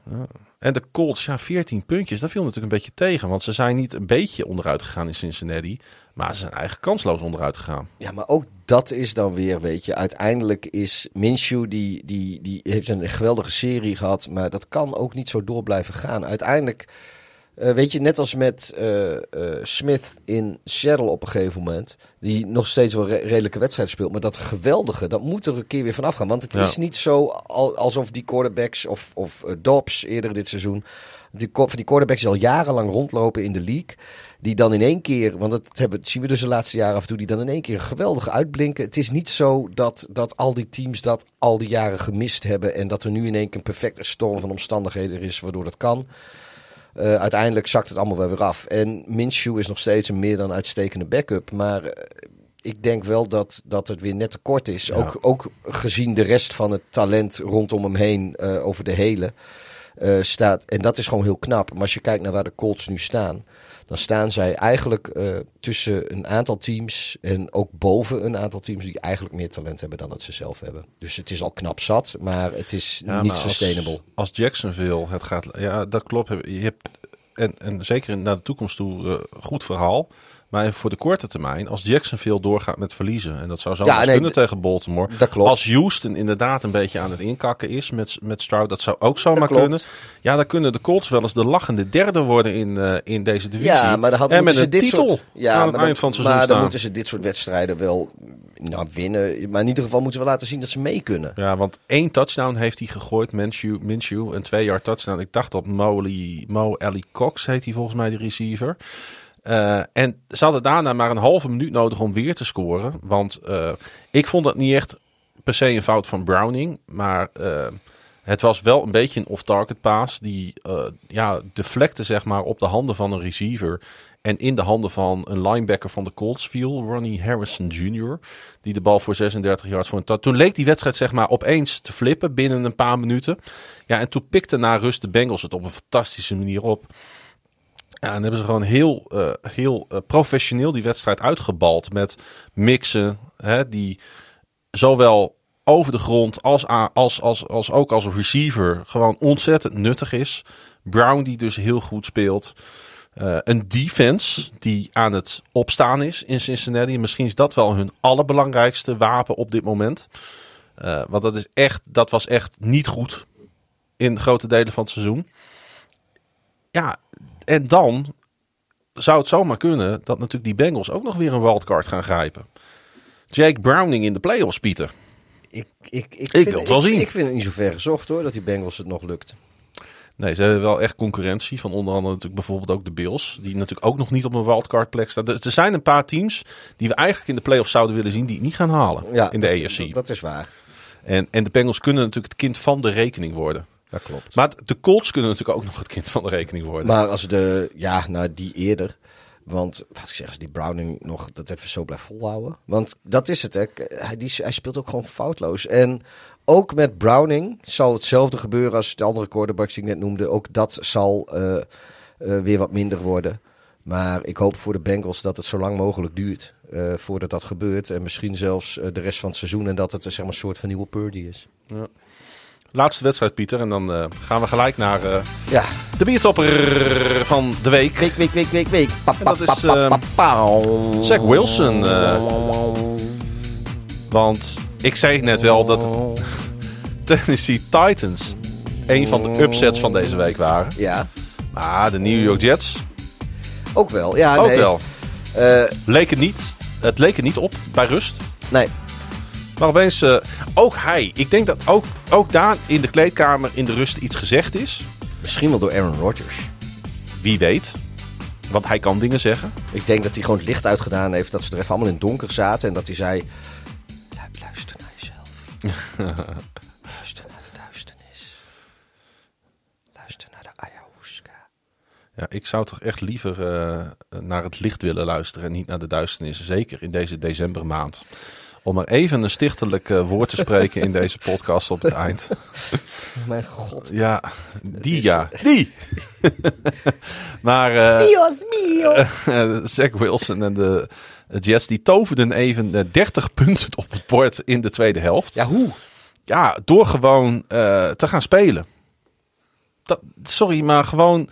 Eh, eh, eh, hij, hij begon met rollouts. Hij begon play-action af en toe te spelen. Heeft, heeft, was, was het in één keer een Saleh die zelf weer de playcalling ging doen? Heeft hij Nathaniel Hackett in de kleedkamer achtergelaten of zo? Lekker naar zijn eigen duisternis luisteren met Rodgers en dat, dat ik is iemand heb, anders. nee, nee, nee. Hij heeft gewoon zijn innerlijke zelf gezocht. Ik heb plays gezien van Wilson die ik op YouTube wel eens van hem in college heb gezien. Hij was eigenlijk weer de college Maar quarterback. deed Hackett dat allemaal? Of zouden, zouden ze tegen Hackett hebben gezegd van... ga jij nog even met Aaron Rodgers ergens op skyboxje zitten... en dan gaan we iemand anders even de tweede helft laten doen? Ik denk dat, eh, en ik, dit is nergens op gebaseerd, maar ik denk dat Wilson heeft het moment gegrepen. En die heeft zelf de verantwoordelijkheid genomen. Oh, en die ja. heeft die wedstrijd gemanaged. Die heeft gewoon gezegd van... luister, ik ga nu spelen zoals ik zelf wil spelen... en jullie zoeken het maar uit. Nou ja, dat heeft hij ook gezegd, letterlijk. Wat Fields eh, eerder dit seizoen al een keer zei. Ja, van, hij, zei, hij heeft letterlijk gezegd, wat heb ik nog te verliezen? Dat ik weer gebenched word? Ja, maar dat is... Dat vond ik een heerlijke opmerking. Ja, ik ga gewoon lekker doen wat ik zelf Nou, dan zet je me toch weer op de bank. Ja, Want, eh, en, en hij straalt dat niet uit, want het is nog steeds echt een jochie als je hem ziet. Maar ja, hij, hij, hij, hij, hij zegt gewoon de goede dingen, hij denkt de goede dingen. Ik denk toch dat Rodgers ook wel een invloed op hem heeft, want die Kan twee zullen ongetwijfeld met elkaar praten. ja, het zal wel moeten. En ik heb plays gezien waarvan ik denk van ja, die heb ik Rodgers ook wel eens zien maken. Ik bedoel niet dat hij ze één op één kopieert, maar wel de, eh, de, de, de, de, de, de, eigenlijk een beetje vergelijkbaar met, met wat Will, Will Levis heeft laten zien bij de, bij de Titans eh, de- deze speelronde. Zoek de zijkanten, zoek je receivers. Ze hebben daar met Garrett Wilson een geweldige receiver staan. Waarom zoek je hem niet? Ja, En je ziet, als je zoekt, dan zul je vinden. dat is wel ook heel stichtelijk weer. Maar ik had niet verwacht dat de Houston Texans zo hard onderuit zouden gaan in New York. Nee, is, ik weet ook, ik weet, ja, kijk, nu hebben ze natuurlijk een goede verdediging bij de Jets, maar ik denk ook daar, weet je, dat dan moet je, moet je helemaal naar, naar New York, dan is het er koud en kloten weer. Ja, en je hebt een lange, nee, weet je, dat, dat, dat, dat seizoen voor hun, eh, de diepte is niet echt in dat team. Eh, dus de vermoeidheid slaat wat toe. Eh, je, je, de, de, de, de starters die goed zijn, die starten misschien wel meer dan bij de wat diepere teams. Dus die voelen Hij- de vermoeidheidjes, Hij de was, hij was Tank Dell al kwijtgeraakt. Ja, hè? ja. En de verloor die vroeg in de wedstrijd was Nico eh, Collins. Ja, en, en, ah, en dan is het weer. Kijk, op, op, op die mat daar in MetLife, met dat weer, dan is het koud en nat. En dan voel je de pijntjes en de vermoeidheid net weer wat harder dan thuis in je eigen doom. In de, in de lekkere Texaanse zon. Dus ja, het, is allemaal, het zijn misschien geen excuses, maar hooguit verklaringen. Want het, Houston is gewoon een heel jong, heel smal, Hmm. eh, als zeg maar ondiep team. En ja, weet je, en, en ook CJ Stroud, vergeet wel eens, is ook gewoon een rookie. Ja, moest ook het eh, veld verlaten op een gegeven moment eh, vanwege concussion protocol natuurlijk. Ehm, en Zeker toen met zijn hoofd op veld geklapt. En toen was natuurlijk wel duidelijk dat, eh, nou, dat de Texans dit niet meer gingen omdraaien, eh, deze wedstrijd. Ja, en de Jets die zien nu een five-game losing streak eh, beëindigen. Met kerst krijgen ze Aaron Rodgers terug. Dat, zoveel is wel duidelijk. Als zij nou volgende week eh, Miami verslaan. De Jets. Ja. En de week daarna keert Aaron Rodgers terug. Kunnen zij dan nog met een eindspurt eh, iets onmogelijks doen? Dan, dan ga ik geen, eh, geen, eh, geen sportprogramma meer bekijken. Want dan zit je weer de hele week tegen, tegen die Aaron Rodgers aan te kijken. Want die de heel... Ik denk zo op het eind van deze aflevering gooi ik er nog even een leuke, een leuke voorspelling in. Ik denk dat... Gaan de Jets winnen in Miami? Dat is eigenlijk de eerste vraag. ik, ik denk dat als de Jets eh, eh, in een positie komen om dit jaar de playoffs nog te halen... Dan moeten ze hem volgende week winnen. moeten ze hem volgende week winnen. Dat doen ze dan met Wilson. Als dan de, de week daarna of de week daar weer na, of voor mijn part de eerste week, zeg maar wildcard weekend, als dan Aaron Rodgers terugkomt en je zet Aaron Rodgers erin, dan ben je eigenlijk ook gewoon een vuige klootzak. Want het is Wilson die dat team naar de playoffs heeft gebracht dan. En Ja. niet Aaron Rodgers. Nee, en ook niet eh Boyle. Nee. Nee, dat eh, klopt. Maar dat gaat wel gebeuren. Ja, nee, dat snap ik. Maar het Ja. zou eigenlijk ook gewoon weer, weer achterlijk zijn. Dat zou, dat zou, dat zou, Kijk, als ja. Rodgers nou drie weken of vier weken geleden al terug was gekomen en onder zijn, of hij speelde nu alweer en nu onder zijn eh, Hmm. eh, leiding wordt de, de comeback ingezet dit seizoen, tuurlijk. Maar als Wilson degene is die, die ze in de playoffs neerzet, dan zou het eigenlijk ook gewoon. Kun je duizend keer Aaron Rodgers hebben. Hij is er vorig jaar ook nog eens. Maar het zou het eigenlijk gewoon. In ieder geval moet je Wilson laten starten in de playoffs. En je kan altijd nog beslissen of je de hele wedstrijd met hem speelt. Maar het, het, het- het- ja, Ik vind het een hartverwarmend pleidooi. Nee, weet ik wel. Maar dat gaat niet gebeuren. Nee, maar ik heb wel gelijk.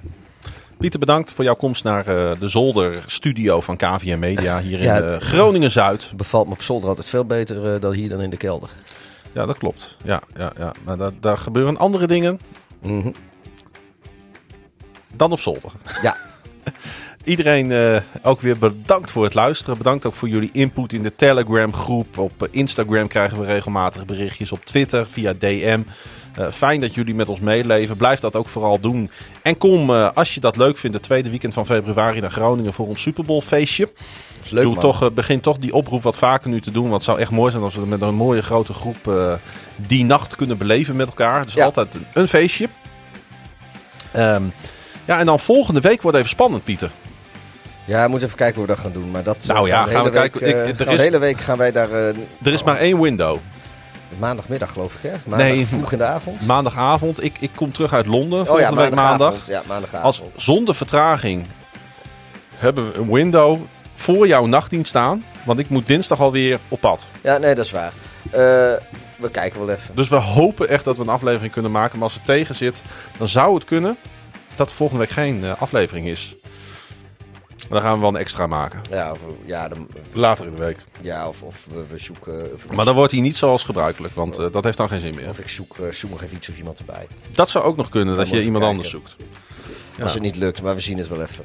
Ja, ja, misschien Janiek, Ja, weet ik veel. Ja, ik weet het ook niet. ik ook niet. Het wordt wel, Nee. eh, het wordt wel korter dan, maar dan ragen we door die Ja, wedstrijd heen. dat, dat, dat wordt een spannend. En we kunnen ook de Monday Night niet doen. Nee. Nee. We gaan het meemaken. Oké. Eh, nogmaals iedereen bedankt. Wil je ons volgen? Zoek ons op op Twitter, op Instagram, eh NFL op woensdag of Klaasje Gun of Darf laagstreepje Hideous. En eh, ja, bij, bij, bij, ehm, bij, bij ijs en wederdienende en gezondheid zien we elkaar dus volgende week weer. Beste morgen weer.